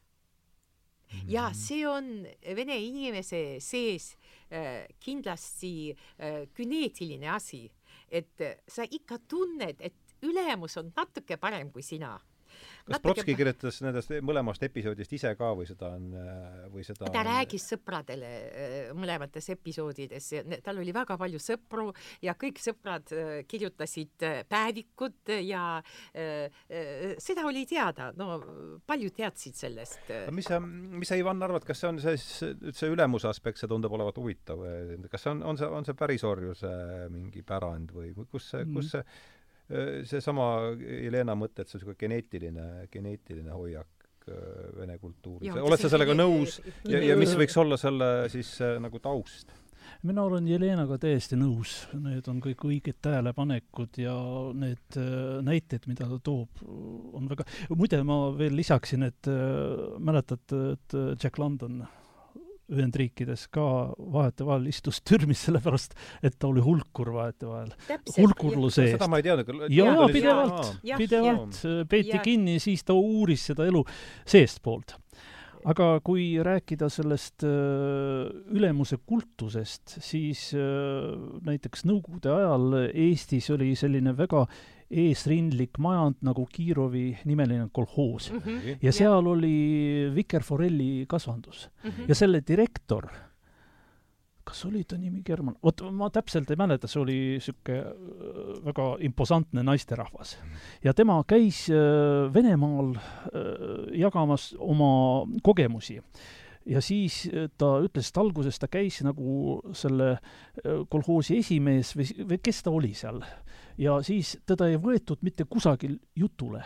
ja siis äh, muudeti tema ametinimetus Venemaa komandeeringute jaoks direktoriks.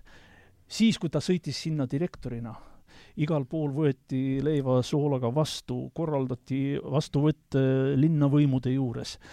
jah, see on äh, ülemuse kultus Venemaal täiesti olemas ja see on olemas praegugi näiteks ja, kui vaadata, vabanda, neid äh, vahel ma olen näinud äh, kaasaegseid äh, Venemaa seriaale, näiteks miilitsa nüüdseks politseitööst. nii kui ilmub ruumi mingisugune asjapulk, kes ei ole näiteks major või polkovnik, tema räägib selle äh, majoriga nii, nagu ta oleks tsaar.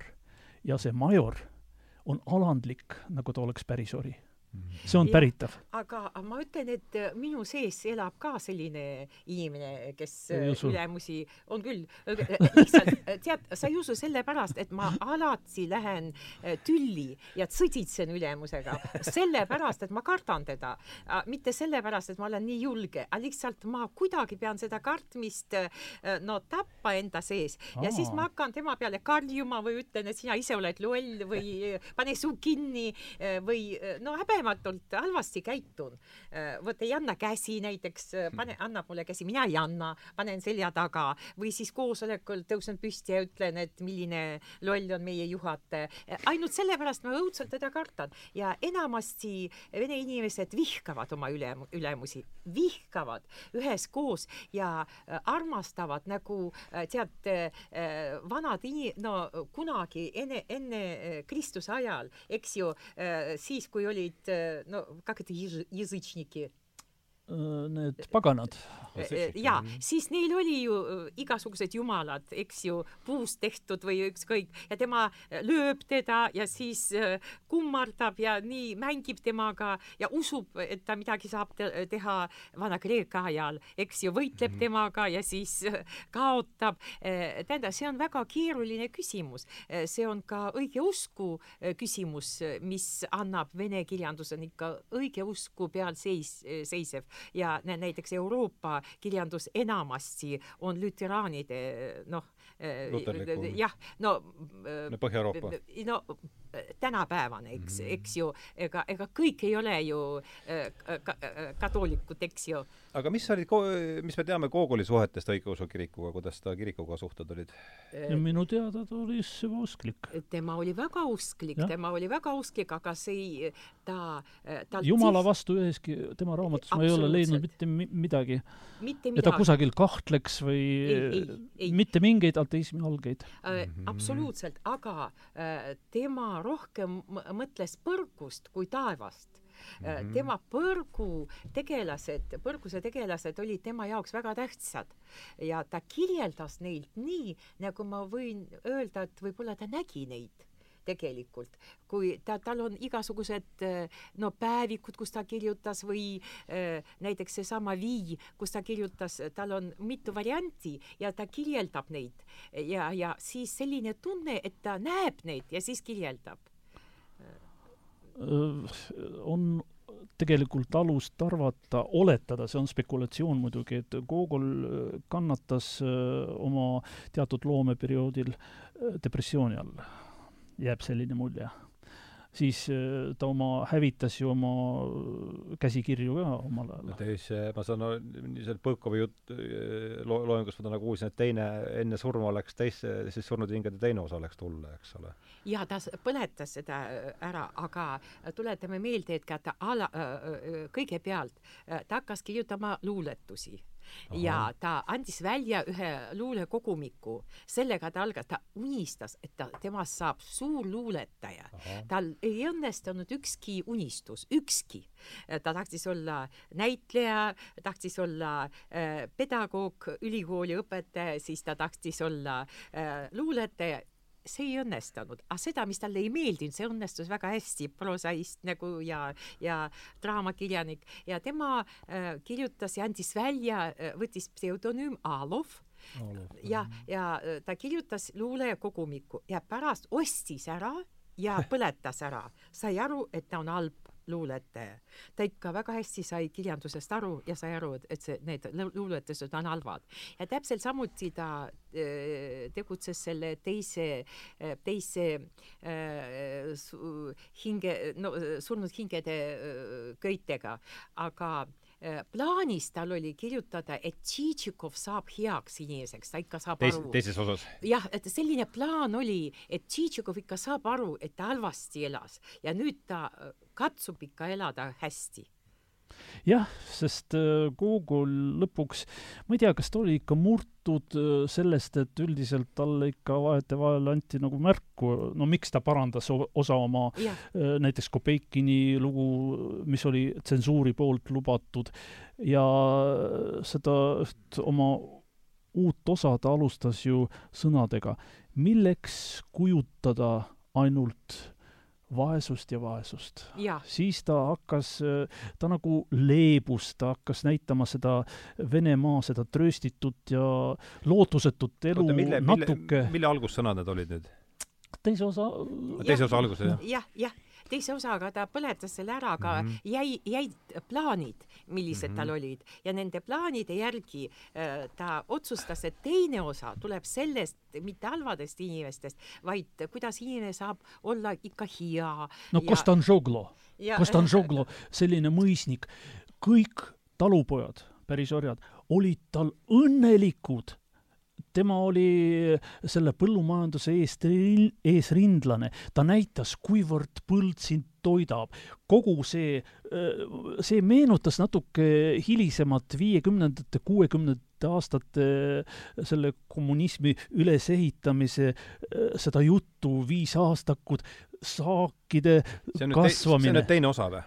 Jaa, seal teises osas. jah, ja mida me, me ei saa lugeda, see on põletatud. huvitav on see, Põk-, Põkov rääkis, et oli pakkunud seda mitmetele, et võtke see hoiule, see raamat, ja keegi ei olevat seda tahtnud võtta. ma ei tea, kas see on see teile tuttav lugu? vot see, ma see ei ole kuulnud. ei ole kuulnud, jah? ei ole kuulnud. ma tean, et Gogol väga kartis, et keegi varastab tal midagi, süžee või mõtted või midagi sellist, ma eriti ei usu, et ta kellelegi andis seda nojah, ta, Põlkov oma loengus ütleb seda, et ta käis seda paljudele pakkumas, et võtke see enda kätte hoiule ja keegi ei julenud seda võtta, sest vastutus oli suur ja pärast ta põletas siis selle no ilmselt Põlkov on uurinud arhiive ma põhjalikult. Põlkovi, Põlkovi seisukoht on, algab sellega, et äh, tema on kõige targem maailmas ja kõik teised on see niikuinii teavad palju vähem kui tema, et võib öelda ükskõik mis ta, tahes, aga ega no tema on tõesti väga tark, väga mulle ta loengud, mulle ta loengud meeldivad ja jah, väga, väga tark, aga igas loengus tal on mingi nõks väike, et äh, kus see kõik läheb, kõik läheb puruks. Äh, vot, vot kui ma äh, kuulan teda, siis mulle meeldib see ja see ja see ja see, mina mõtlesin selle kohta ka niiviisi. Ja äkki tal tuleb mingisugune nõks, mis ma näen, et kõik läheb puruks, et mitte midagi ei jää selleks, sellest, et mingi, mingi äh, sügav mõte tal on, et inimene äh, äh, tuleb maailma mitu korda kirjanik ka mitu korda sündib, et esialgu ta on näiteks, eh, no näiteks Lev Tolstoi ja pärast ta on näiteks Maksim Gorki, seesama mm. -hmm. ja, ja või, või pärast Maksim Gorki ta on, ma ei tea, kes Sorokin näiteks, ma võtan niisama lihtsalt, aga tal on selline, see on kõige tähtsam mõte, mis tal on, et iga kirjanik sündib mitu korda ja, ja ta võrdleb neid. see on nüüd Põõkovi mõte? Põõko, ainult Põõkovi mõte mm -hmm. ja ainult selle mõtte järgi ma, ma ei ütleks, et ta on kõige targem inimene maailmas. et, et, et, et, et üks kirjanik sündib mitu korda. vot see on ikka naljakas mõte, et no selle kohta kunagi veel on ammu enne Põkovit Vladimir Vysotski, tal oli selline laul, et hea hea usund on, mida hindud välja mõtlesid, et siis, kui me sureme ära, me tegelikult päris ära ei sure. ja näiteks kui sa oled elus olnud nüri ja loll nagu puu, siis sa äh, sünnid uuesti baobaab, tead siuke puu, baobaabina. ahvi, ahvileivapuu vist. ahvi, siuke kolossaalne, tead. ja, ja sa oled ahvileivapuu veel tuhat aastat enne, kui sured. see on Võssotski mingis laulus või? jaa, see on geniaalne. oskad sa pealkirjale äh...? Pesня о переселении душ. laul ja, hingete rändamisest ühest kehast teise, umbes nii. Pesня о переселении душ. sa kuula järjest Vysotski laule, nad on kõik geniaalsed. aga see on väga naljakas laul. me oleme teda ammu kuulanud. aga see on naljakas ikka laul uh. -huh. on ju naljakas, aga ma see ei ole, see Vysotski vääriks muidugi täitsa er-, eraldi saadet. jaa, see Vysotski laul ei ole usundite suhtes äh, salliv, nii et olete vaadake enne, kui mängite Eestis. praeguse poliitika ja retoorika seisukohalt see võib olla kahemõtteline.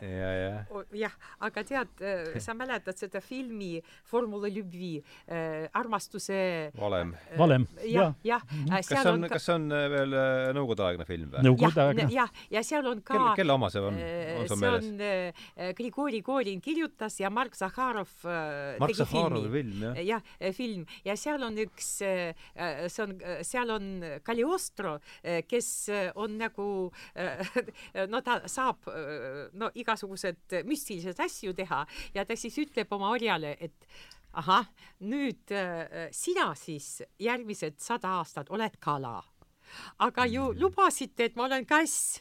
ei, oled kala ja vot niiviisi täpselt sellest me rääkisime. kes seal mängisid selle armastuse valemis? mul tuleb äh, järsku ma olen seda näinud. väga tuntud äh, Aleksandr Abdulov äh, just, ühes peaosas ja siis me, siis, siis teine äh, Farada Äh, Simeon Farada. Simeon mhm. Farada mm. -hmm. Abdulov, Abdulov on nüüd surnud, eks ole, see suri. ja Farada on ka surnud. ja nad, neid, nemad laulsid itaalia keeles ühe laulu. ja, ja Gogoli seisukohalt nad on nüüd paremad, kui olid. ja, ja, ja, ja ilusamad. ja, ja nemad, nemad laulsid ja need, see laul äh, sai õudselt kuulsaks ja kõik laulsid seda, pärast sai, sai, kõik sai teada, et on lihtsalt pandud mõned äh, absurdi. Fave donna mare favori di cantare ja, midagi taolist. Uno, uno, uno momento. Uno, uno, uno, un momento, ja, sentimento. sentimento niiviisi pandud. Toto Cotugno pupo jah, ja terve, terve suur riik laulis seda laulu igas kontserdis ja nemad. ja mina mäletan ka, et alati, kui ma kuulan seda, asi oli selles, et eh, luuletaja, kes pidi kirjutama, ütles, et kuidas ma saan itaalia keeles kirjutada, kui ma ei tea itaalia keelt. aga lavastaja, ja, ja hea küsimus, aga režissöör ütles, aga ma tahan, et siin kohas nad laulavad ikka itaalia keeles, sellepärast et äh, see vürst äh, Cagliostro tuli Itaaliast, siin peab Itaalia laul olema. aga helilooja ütles, ma hea me-, ma tahan, ma ka tahan kirjutada ühe äh, sellise Itaalia laulu ja, ja siis äh, luuletaja põrutas ust ja ütles, no kirjuta siis ise. sa mõtled, et ma ei saa, eks ma kirjutan. kirjutaski ise, pani lihtsalt Itaalia sõnad oma muusika järgi niiviisi, no lihtsalt valis sõnastikus ükskõik millised sõnad mm. -hmm muide, seda sõnade, mõttetute, väljamõeldud sõnade äh, kombinatsiooni kasutati ohtralt ka näiteks sellises filmis nagu Brilliant käsi. tsigil, tsigil, ai lulu ei ole, Išlak, Šmordjuk, sellised väljamõeldud naljakad sõnad, kui nad äh, omavahel sõimlevad. aga tead, enne kui tsigil, tsigil ja ilülü tähendab, et äh, aeg on juba ja, minna, aeg on juba minna. aga see, mis seal oli täiesti äh, väga hästi välja öeldud, see on russo turisto obligo morale. see on nii russoturiste, see tähendab no, siis, kui... üks prostituut, üks prostituut, üks prostituut äh, ja kutsus endale kliendi. Ja siis tulevad äh, Nõukogude turistid ja üks nendest ütles, et Mironov, ütleb, äh, Mironov sai aru, kes see on prostituut, aga see teine, keda mängis Nikulin, selline äh, maailma ei ole näinud, midagi ei tea, ütles, et tead, see naine midagi tahab, et me peame vist teda aitama, ta ütles, lähme ära, ma seletan sulle, mida ta tahab. Ja ütleb, russo turisto obligo morale, eh, ütleb itaalia keeles. tegelikult, tegelikult see oli tõesti, see oli tõesti ainult natuke teistmoodi, et siis, kui äh, vene kirjanikud äh, läksid välismaale ja läksid ise jalutama äh,, sellest rääkis mulle isa, et äh, prostituudid tänava, prostituudid tulid neil, neile, nende juurde, neil ei olnud valuutat, ei olnud raha, võib-olla oligi huvitav ja tahtmist oli aga, aga raha ei olnud. Ja siis üks nendest ütles russo turisto impotento. Tead, tegelikult selle kohta on äh, üks äh, väga vana äh, anekdoot, et äh, välismaal äh, bordellis, lõbumajas äh, äkki hakkab äh, ühest numbrist äh,, tõuseb tohutu kisa, naine kisab ei, ei, ei, ma ei taha, ei, mitte mingil juhul, siis äh, madam, bordelli pidaja, tõttab sinna, ütleb oma Äh, linnukesele, kuule, et üldiselt meil on kokku lepitud, et kõik kliendi soovid saavad täidetud, mille peale see tema töötaja ütleb, aga ta tahtis mulle maksta rublades. Aga vabanda, ma kohe, mul enne, kui meelest läheb ära, kui me rääkisime sellest, me räägi-, räägime täna ka surnud hingetest ka. et, et ainult Bartellidest. ja, ja, et kui sa rääkisid, et Gogol üritas äh, saada poeediks ja rääkisime Stalinist, aga Stalin oli ka poeet. Stalin kirjutas luuletusi ja mina näiteks olen tõlkinud ühe Eesti raamatu jaoks äh, Stalini luuletusi eesti keelde. jah, vaata seal bibliograafias kusagil. Vene keelest tõlkisin, gruusia keelt ma ei valda. aga kas ta, kas sa tead, kes tõlkis vene keelde sinu jaoks? Ei tea. vot ma ütlen sulle, Arseni Tarkovski, üks parimatist luuletajatest. tõlkis äh, gruusia keelest vene keelde? jaa, et Stalin aga äh, kas ta tõlkis gruusia keelest või no, Pastrotšnik reaalusest? reaalusest. no mina, mina ka siis tegin reaalusest. ei, see tähendab no tähendab, et äh, tõlgitakse sisu ja antakse rütm. jah mm, -hmm. ja, et kõik siis... sõnad sa tõlgid väga paljud eesti, eesti luuled tõlkijad vene keelde eesti keelest ei, tea mahkugi. ja siis Eesti luuletaja ise või äh, ta võtab tõlkijad, kes proosat näiteks tõlgib, ta paneb äh, kõik sõnad vene keeles, rütmi paneb äh, ja, ja äh, kõik paneb ja siis äh, vene luuletaja tõlgib. näiteks. Ahmatova tõlkis äh, Deborah Varandit mm. -hmm. kahjuks ainult, et väga head tõlged, aga seal, kus eesti keeles on kaks A-d järjest, näiteks Saaremaa, siis mm -hmm. vene keeles kõik tõlgivad Saaremaa mm. -hmm. et mhm. sa hääldad ja, ja siis kohe näed, et see inimene, kes tõlgis, ei valda eesti keelt, et mm -hmm. tuleb Haapsalu ja Saaremaa ja, ja kõik sellised, no näiteks mind häirivad sellised asjad. üks äh, Eesti tuntud äh, tõlkija ja poeet, sa mäletad, Svetlana Semenenko? tema on mind õpetanud omal ajal seda postročnikut tegema, reaalust tegema, ta joonistas mulle, kuidas seda rütmi tehakse. nüüd mul on meelest läinud, sest mul ei läinud seda vaja, sest ja, ma valdan neid keeli. aga ma tean, et mõned teevad seda väga, näiteks Leelo Tungal väga hästi teeb oma tõlkija, äh, parima tõlkija Mihhail Jasnov, kes elab Peterburis ja kes ei valda eesti keelt, Leelo teeb suurepärane lastepoeet, lastele kirjutab ja, väga häid luuletusi. ja ta äh, õudselt hästi äh, tõlgib Leelot näiteks. ühel seminaril Peterburis võtame uuesti, ma, ma ei ole kindel, et ma sellest päriselt aru sain, mida see pastrotšnik nüüd tähendab? no tähendab, vaata, sina kirjutad luuletuse, sa tahad, et mina tõlgin seda vene keelde, aga ja не говорю по-эстонски вообще, абсолютно. sina tõlgid või lased tõlkida vene keelde mitte rütmis ja mitte riimis.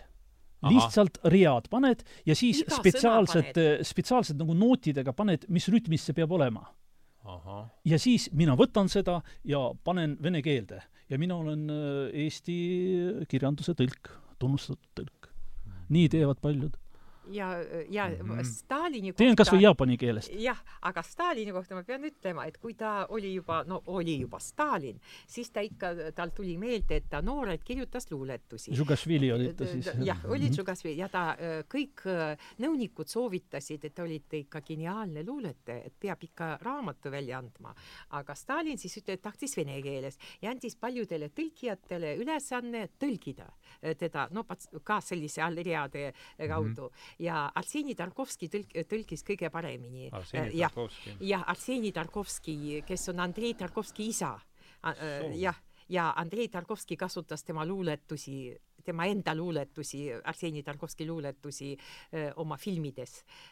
ja aga me ei räägi sellest, aga siis, kui ta tõlkis ja ta lootis, et noh, ta teeb, no vähemalt saab avaldada oma kogumikut siis, aga lõppude lõpuks Stalin otsustas, et ta ei taha seda, et ta ei ole ikka nii suur luuletaja, et ei mm. tea, kuidas rahvas võtab seda välja aga praegult, üks hetk, ma räägin sulle, praegult seal, kus elas, kus sündis Stalin, Gori, selline väike linn Gori, seal on Stalini muuseum siiamaani ja kui sa astud sisse, ostad pileti, no väga odav pilet, astud sisse, kõigepealt see tööline, see naisterahvas, kes töötab seal, kes võtab, teeb ekskursiooni, kõigepealt ta kingib sulle selle väikse raamatu, selle luulekogumiku, kus mm -hmm. midagi mis keel see siis, gruusia keel? Vene keeles, mis on tõlgitud Arseni Tarkovski poolt ja mul isegi kodus on selline väike pisike raamat ja ta siis näitab, vot siin ta magas, siin ta niiviisi sõi ja nii edasi, nii edasi.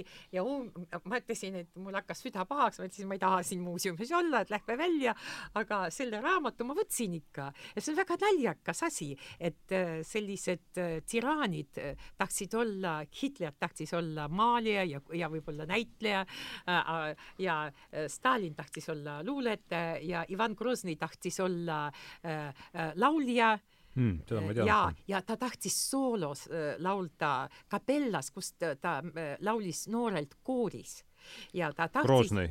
Ivan Groznõi, jah, jah äh,, Vene tsaar. ja, ja ta tahtis ta, talle õudselt meeldis laulda ja mingi väike hääl tal oligi aga ta laulis kooris ja, ja ta tahtis, et ta laulab üksinda kui solist, eks ju, ja ta unistas, et talle annavad selle võimaluse, aga ei andnud. kirikus ei andnud talle, ta ikka no kõikide teistega koos, et ja siis ta sai tiraaniks. et mm -hmm. vaata, kui annad lava inimesele või näituse teha, võib-olla ei, ei tulegi tiraani enne rohkem maailmas ma ütleksin nii, et näiteks Mihhail Gorbatšov ei olnud türann, ta oli äh, Nõukogude Liidu esimene ja viimane president, aga temal on terve laulutsükkel olemas. romansid, jaa, tunne huvi, internetis leiab. aga mina tahaksin mm, toetada, toetada Gorbatšovil on laulutsükkel? jaa ja., mina tahaksin Esimest toetada, no vot, kuula nüüd. ja siis äh, mina tahaksin toetada Helenat, kui ta ütles, et omal ajal Stalin sai aru, et ta pole mingi poeet, et äh, ta on väga tuntud film nagu Patukahetsus ja see ja, on, äh, see oli kohe pärast troika alguses, eks? jaa, ja seal on üks niisugune äh, Gruusia tüpaažiga Just. Äh, selline küüditaja ja niisugune mõrvar ja selline kelle nagu, oma see oli veel, see see Abuladze. Abuladze oma. vot, ja see üks peategelastest, no see on vist selline no Beria tüüp. ja, ja, ja seal mingil hetkel ta ütleb, ta seal küüditab, laseb oma õpetaja represseerida ja ja mingil hetkel ta ütleb, äh, oh svoloči, kakova poeta zagubili mm. -hmm. et, äh, et äh, kaabakad, et ja, ja. missuguse poeedi te olete minus tapnud jah, mm-hmm. et ikka, ikka äh, iga türaan saab aru, et äh, luulet on äh,, luuletajal on rohkem võimu kui temal ja ta tahab lu-. sa võid küll tappa, aga luuletajaks ei saa.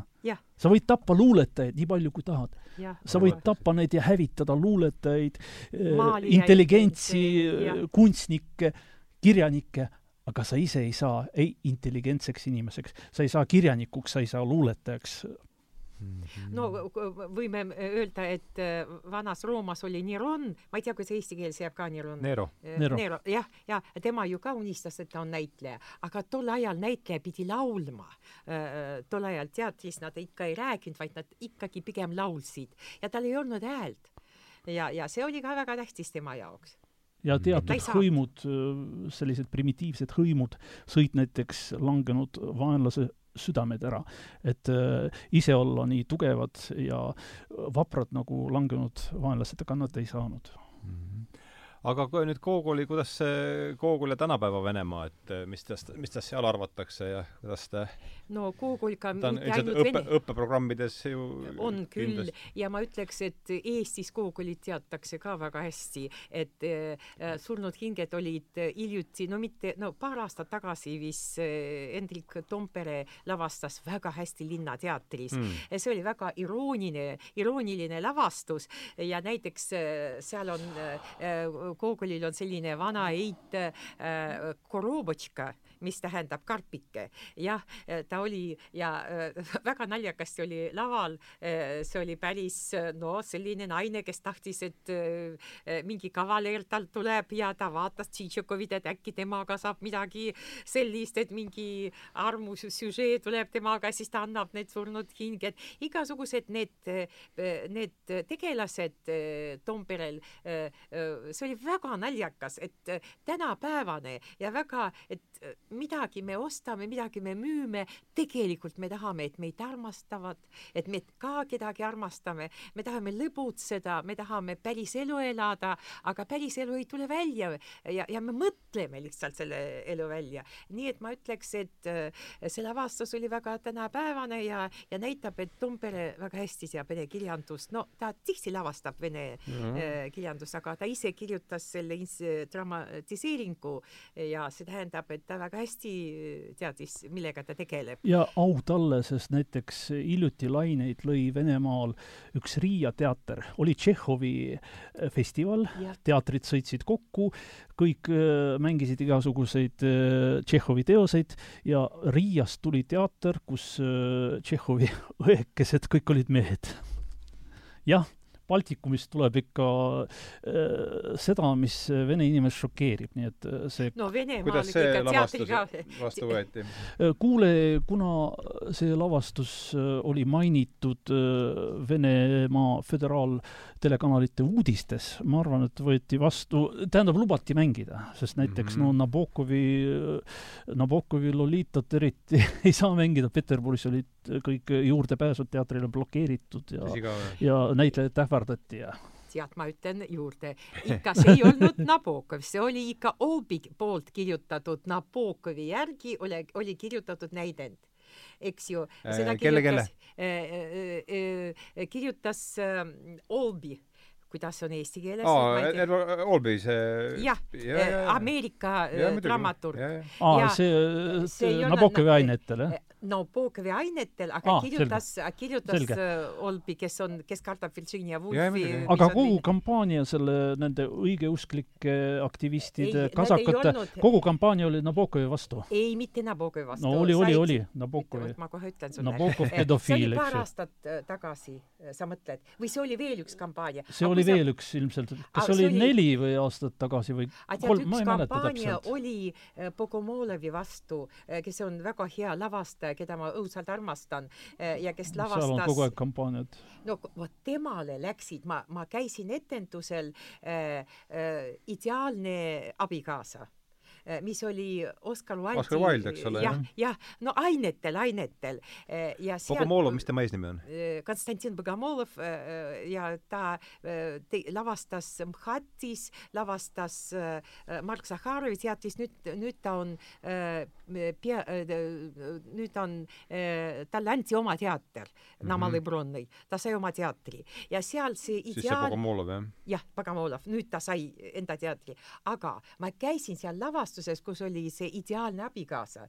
Ja mitte siis, kui mina käisin, aga eelmised kaks päeva, kaks päeva ennem äh, käisid õigeuskjad lavale läksid ja tegid suure skandaali ja nõudsid, et pannakse kinni. aga mis seal sellist on, ma olen seda, ma olen seda ideaalset abikaasat näinud, et mis, mis seal õigeuskjad, kelle nüüd nii äh, pinda kas sa Pokomolevi oma oled? ei ole, ei ole, mis ta, mis ta tegi seal siis, et see süžee iseenesest on ei, ju täitsa siuke süžee hoopis teiseks tehtud ah, okay, ja seal ja. olid igasugused naljakad asjad, äh, kus äh, näiteks õigeusku kiriku õpetaja tantsis nagu naine äh, ühe mehega mm. ja ta väga ilusasti riides olid ja, ja tantsis mehega, siis seal oli üks armastus, kahe mehe armastus ja siis seal pandi tumedaks, tehti lava ja ütles, et seks läks sõbralikult ja hästi ja, ja igasugused sellised naljakad asjad olid väga ma ütleks väga irooniliselt, seal ei olnud mi-, midagi sellist, mi-, mida võiks äh, nii äh, kuidagi hävitada hinge äh,, õigeuske hinge, no äh, need inimesed, kes istusid saalis, lihtsalt naersid, aga äh, tegelikult oli skandaal selle lavastusega, aga see lavastus läks ikka edasi mm. -hmm. praegu Venemaal on selle õigeusu kirikuga üldse sellised no päris imelikud äh, lood, sest kunagi lahutati kirik riigist, aga nüüd nad on kokku kasvamas olemas ja nagu Kreml praegu kasutab õigeusu kirikut oma ideoloogia läbisurumiseks ja toestamiseks ja mõni päev tagasi, nädal aega tagasi üks, üks äh, Moskva naise, nunna kloostri mõned päevad tagasi? Äh, nädal või mm -hmm. poolteist tagasi mos-, ühe Moskva nunna kloostri öö, äh, mungast üks nende noh, vaimulikest. ta tegi avalduse, ta ütles, et tema kohtus ja rääkis Charles Darwiniga ja Charles Darwin teatas talle, rääkis temaga reaalselt, tuli põrgust välja ja põrgust välja? jaa, põrgust välja, ainult põrgust. ja kahetses oma Bogomjerskui teooria, jumala teotavat teooriat, sellepärast vabandus oma teooria pärast ja kahetses seda. no asi, asjad on täiesti hullud see on nüüd mingi suurte kanalite uudis või, või on see mingisugune sellest internetiveidrus? ei, see, see, see on ametlik värk ja sellest rääkis näiteks sellises soliidses raadiojaamas nagu Eho Moskvõi selline no väga kuulus inimene nagu Aleksandr Nevzorov, kuussada sekundit ja, ja Nevzorov on Eha Moskvõs või? Nevzorov äh, igal kolmapäeval esineb Eha Moskvõs, soovitan kuulata, ta on muutunud absoluutseks ateistiks, küünikuks ja no teda on huvitav kuulata, ta on ikka, äh, ta on nii tappev oma kommentaarides ja samas ta on no intelligentne inimene, pole midagi teha. aga tead, ma pean ikka sulle ütlema, et selle Loliidaga see oli Aleksa-, Aleksandr Nevzorov. jah, Aleksandr Nevzorov. Loliidaga on niiviisi, et, et äh, Ameerikas ta on keelatud praegu see raamat mm. -hmm. ütleme, et ausalt, et ta on keelatud just Ameerikas mis asi? Lolita, Lolita on keelatud. mõni päev no,, mõni päev tagasi mida see võiks tähendada, et Ameerikas keelatud? keelatud, ütlen, ei, ei, ei tohi, ei tohi lugeda, ei tohi raamatukogudes hoida äh,, ei tohi lastele anda, ei tohi lavastada. mida ma olen teinud? ma sa... olen nädal aega tagasi oma saates Raadio neljas äh, tähistanud äh, just sel päeval oli Lolita äh, trükkimise aastapäev Ameerika Ühendriikides, sest kõigepealt äh, Nabokov avaldas Lolitat äh, Prantsusmaal mm, -hmm. aga see oli väike tiraaž selline, aga kuulsaks ta sai siis, kui ta Ameerikas, oli vist aasta, no ma ei mäleta viiskümmend kaheksa aga ta sai, ta sai seda avaldada ainult sellepärast, et äh, Graham Greene ütles, kes oli, oli väga usklik inimene, ütles, et see on hea raamat. muidu ta ei oleks saanud seda avaldada. Äh, kuskil ei oleks saanud mm, -hmm. aga Graham Greene ütles, et, et see on väga hea raamat. aga nüüd praegult minu Ameerika, Ameerika sõbrad ütlevad, et see on keelatud raamat Ameerikas. tegelikult selle raamatu peakangelane, ta on, ta on haige inimene sest näiteks ma võin isegi tsiteerida, mul on praegu värskelt meeles, kuna ma hiljuti ah, saadet no, tegin. jaa, et, et mulle meeldib noh, seal ta kirjeldab, mis tunded tal on nagu laste vastu, et kuidas, et ma tahaksin neid äh, paitada, katsuda ja kõik, aga mina mitte kunagi seda ei tee, kui on väikegi võimalus, et sellest keegi saab teada mm. -hmm. nii et vot selline mees ta oli aga ütleme ikkagi ausalt, et Dostojevskil äh, Svidrigailovi mm -hmm. Oli viieaastane tüdruk, kes tegelikult oli prostituut ja Svidrigailov ärkab õudselt, tunnes, et eh, selle viieaastane tüdruk tuleb tema juurde, ta on värvitud ja, ja pakub end eh, ja, ja tähendab, see on väga tähtis asi ja Nabokov kindlasti kasutas eh, seda juttu ja tegi mm. sellest romaani, sellepärast ennem ta kirjutas väga hästi, aga ta kuulsaks ei saanud. see on enne Svidrigailov enesetappu just see jah, täpselt, täpselt jah. ja see, see niiviisi läheb üle maa maailma, aga ja see aga... veel räägib sellest, et kuivõrd silmakirjalik tegelikult on see Ühendriikide selline moraal, topeltmoraal, sest Ühendriikides viiakse ju läbi kõiki neid missivõistlusi ja seal mm. viieaastased mm., väiksed lapsed, ära värvitud, silikoonidega. see on üks väga veider karneval. see on nii haige asi, et miks ja. nad, miks nad Nabokovit nüüd hakkasid keelama, mina ei saa aru. ja teisest küljest kogu aeg räägitakse, et kes keda, kellele sexual harassment sellest on, on see, need, no mulle tunduvad need jutud täitsa lollid ja kolmkümmend aastat naine kannatab, kannatas, jäi vanaks ja nüüd äkki talle tuli meelde, et keegi tahtis äh, äh, teda äh, kasutada. et, et sel ajal, kui ta oli noor, ta ei mõelnud selle peale, nüüd vanaks, mida, mida tuleb meelde, et nelikümmend aastat tagasi keegi teda tahtis. no see on nii naljakas, minu jaoks vähemalt. et kui seda poleks, siis me oleksime ammu surnud kõik inimese poleks olnud, kui mehed ei oleks tundnud mingit huvi öö, naiste vastu.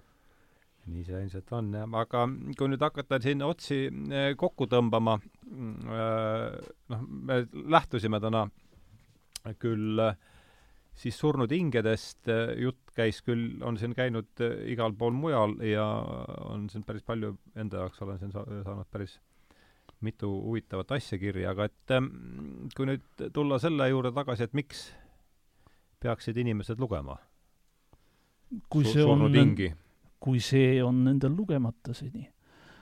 aga kui vastata natuke dešifreeritult, lahti mõtestada, siis no praegu... sul on see selgelt olnud väga oluline raamat, et äh, minule on see ülioluline raamat, ma ütlen kohe, et äh, Nõukogude ajal koolis olid need kohustuslikud teosed ja see oli see teos, seal oli, kuidas karastus teras, äh, Pavka Kortšagin, see oli, see oli, no minu jaoks tollal oli see ja praegu, no, no ma ei tea, no ei võtnud ma vastu.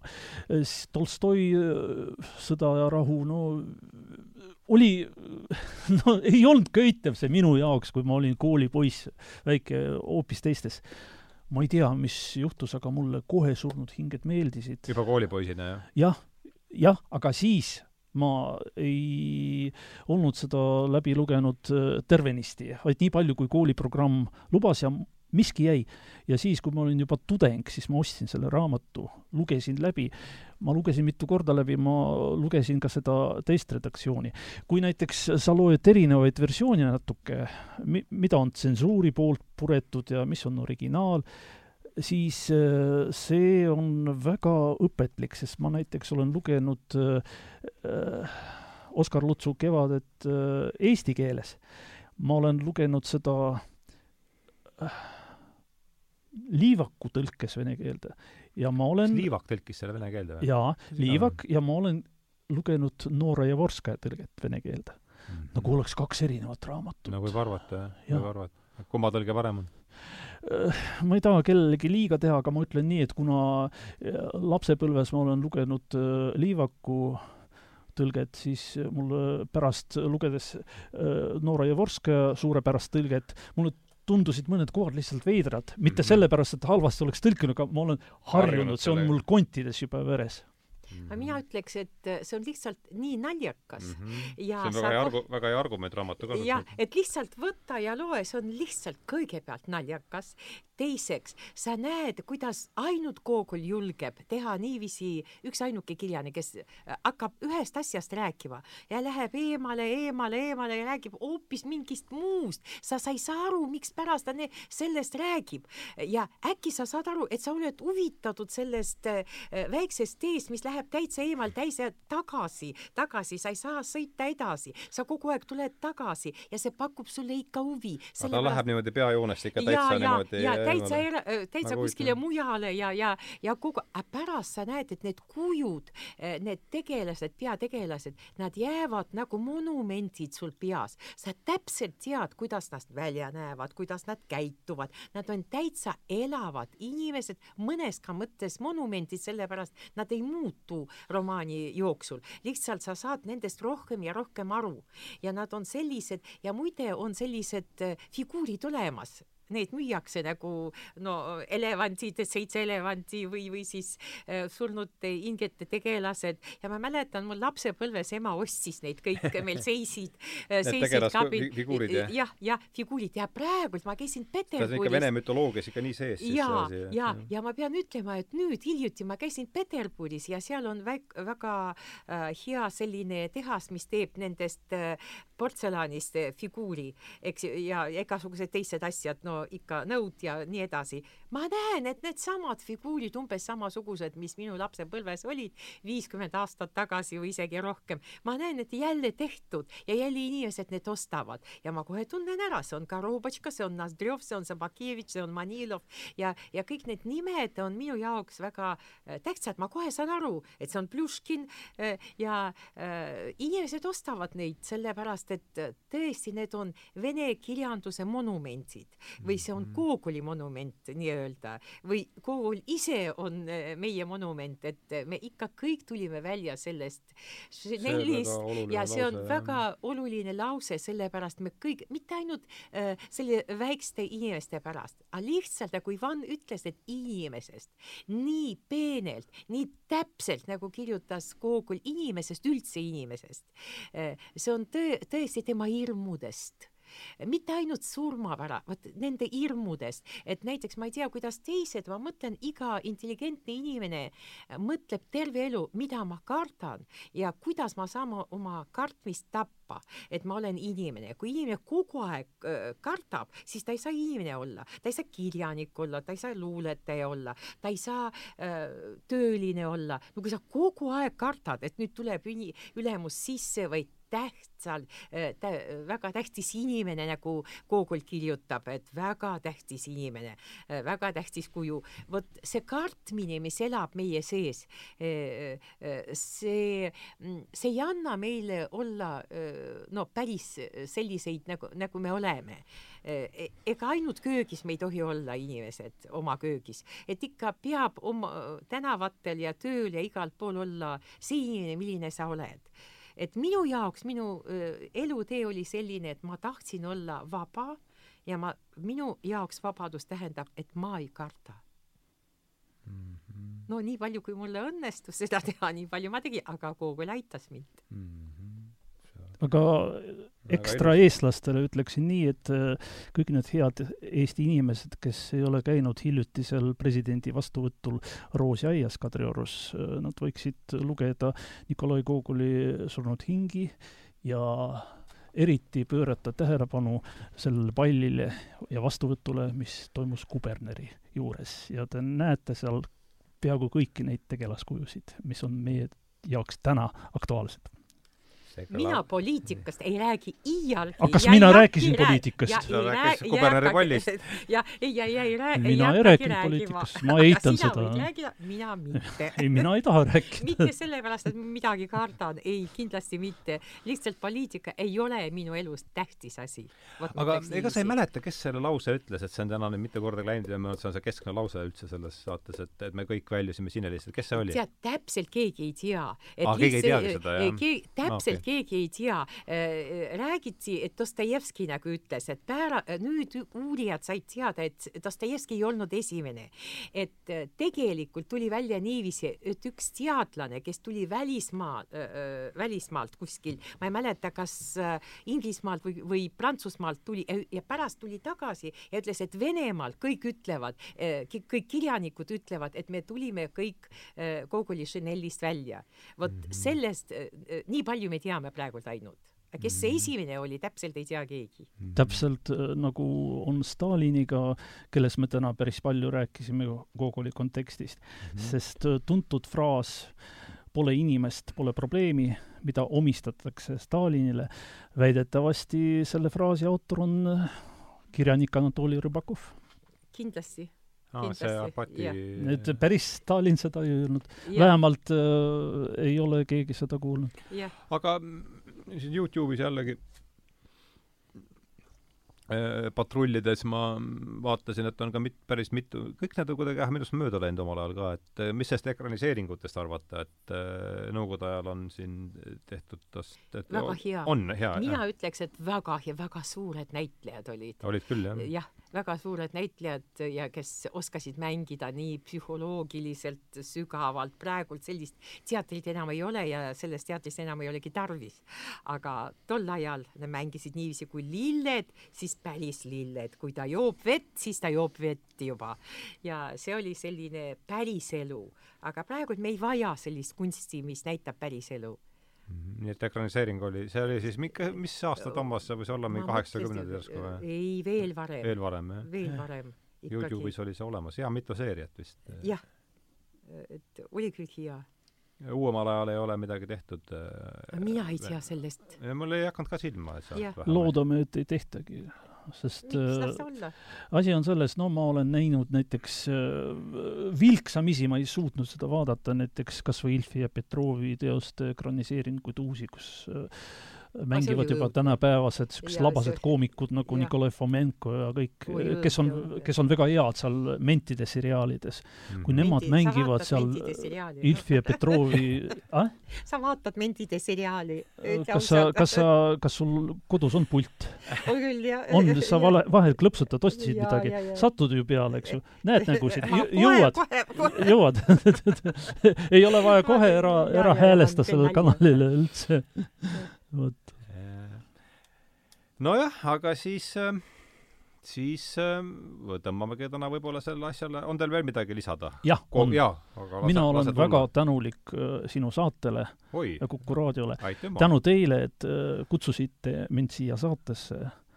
ma sain teist korda elus suhelda ja rääkida Jelena ka.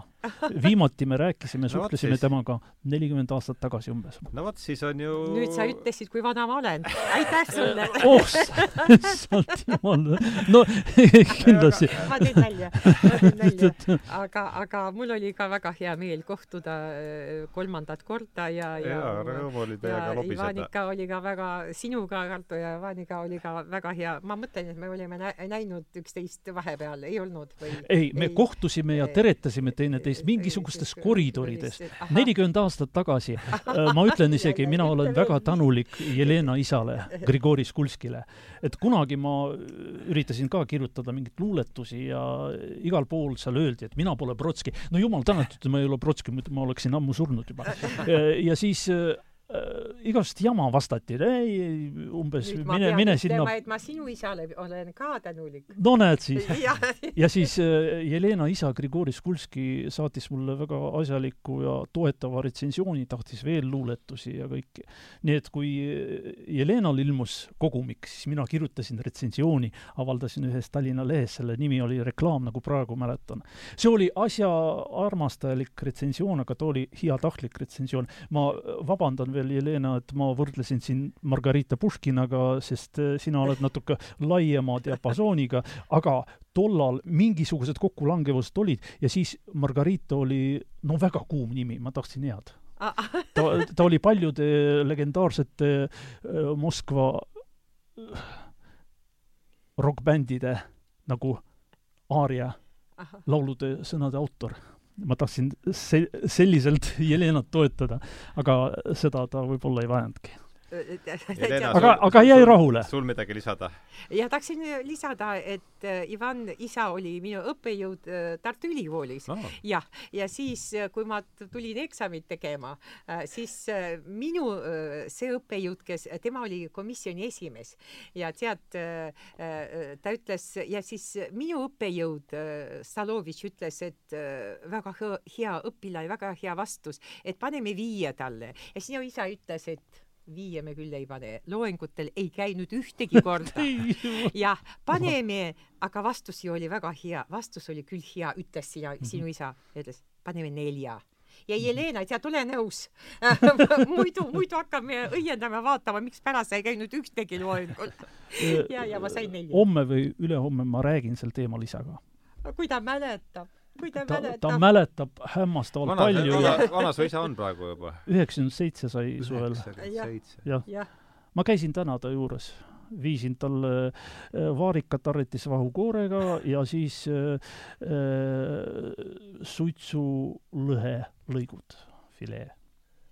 jah, aga ma mäletan, mida ta küsis minu käest. Äh, mikspärast Kant on kõige, no väga suur filosoof. Ja mis sa vastasid? Äh, äh, mida ma vastasin, ma ei mäleta, hakkasin seletama, ma just lugesin Kanti mitte äh, saksa keeles, vaid vene keeles, aga olen lugenud ja armastan teda õudselt selle tõttu, et Dostojevski oli äh, tsiteerinud teda kohe tükkidega. Ja ma hakkasin väga hästi vastama selle lisaküsimusele. Ja sinu isa siis kuulas, kuulas, oled ikka valmis ja öö, oled valmis ja no paneme nelja ikka. Et loengutel ei ole käinud. Jah, hiljuti väga suured meeleavaldused olid Kaliningradis.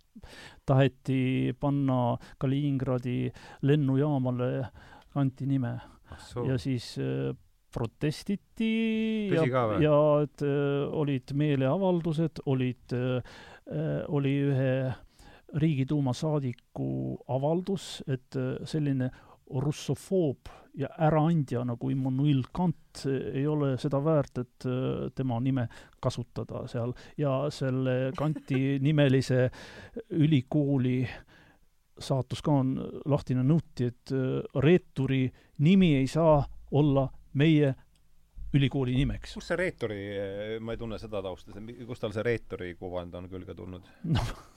keegi ei tea, seda keegi ei tea, ei, ei, ei, sellepärast, et absoluutselt Goog kõik guugelda, Kant predatil, Kant russofoob aga Guugelda, kohe saad aru. Äh, äh, see, mis Kant ütles, et kõik läheb mööda, ainult jääb äh, taevas ja jääb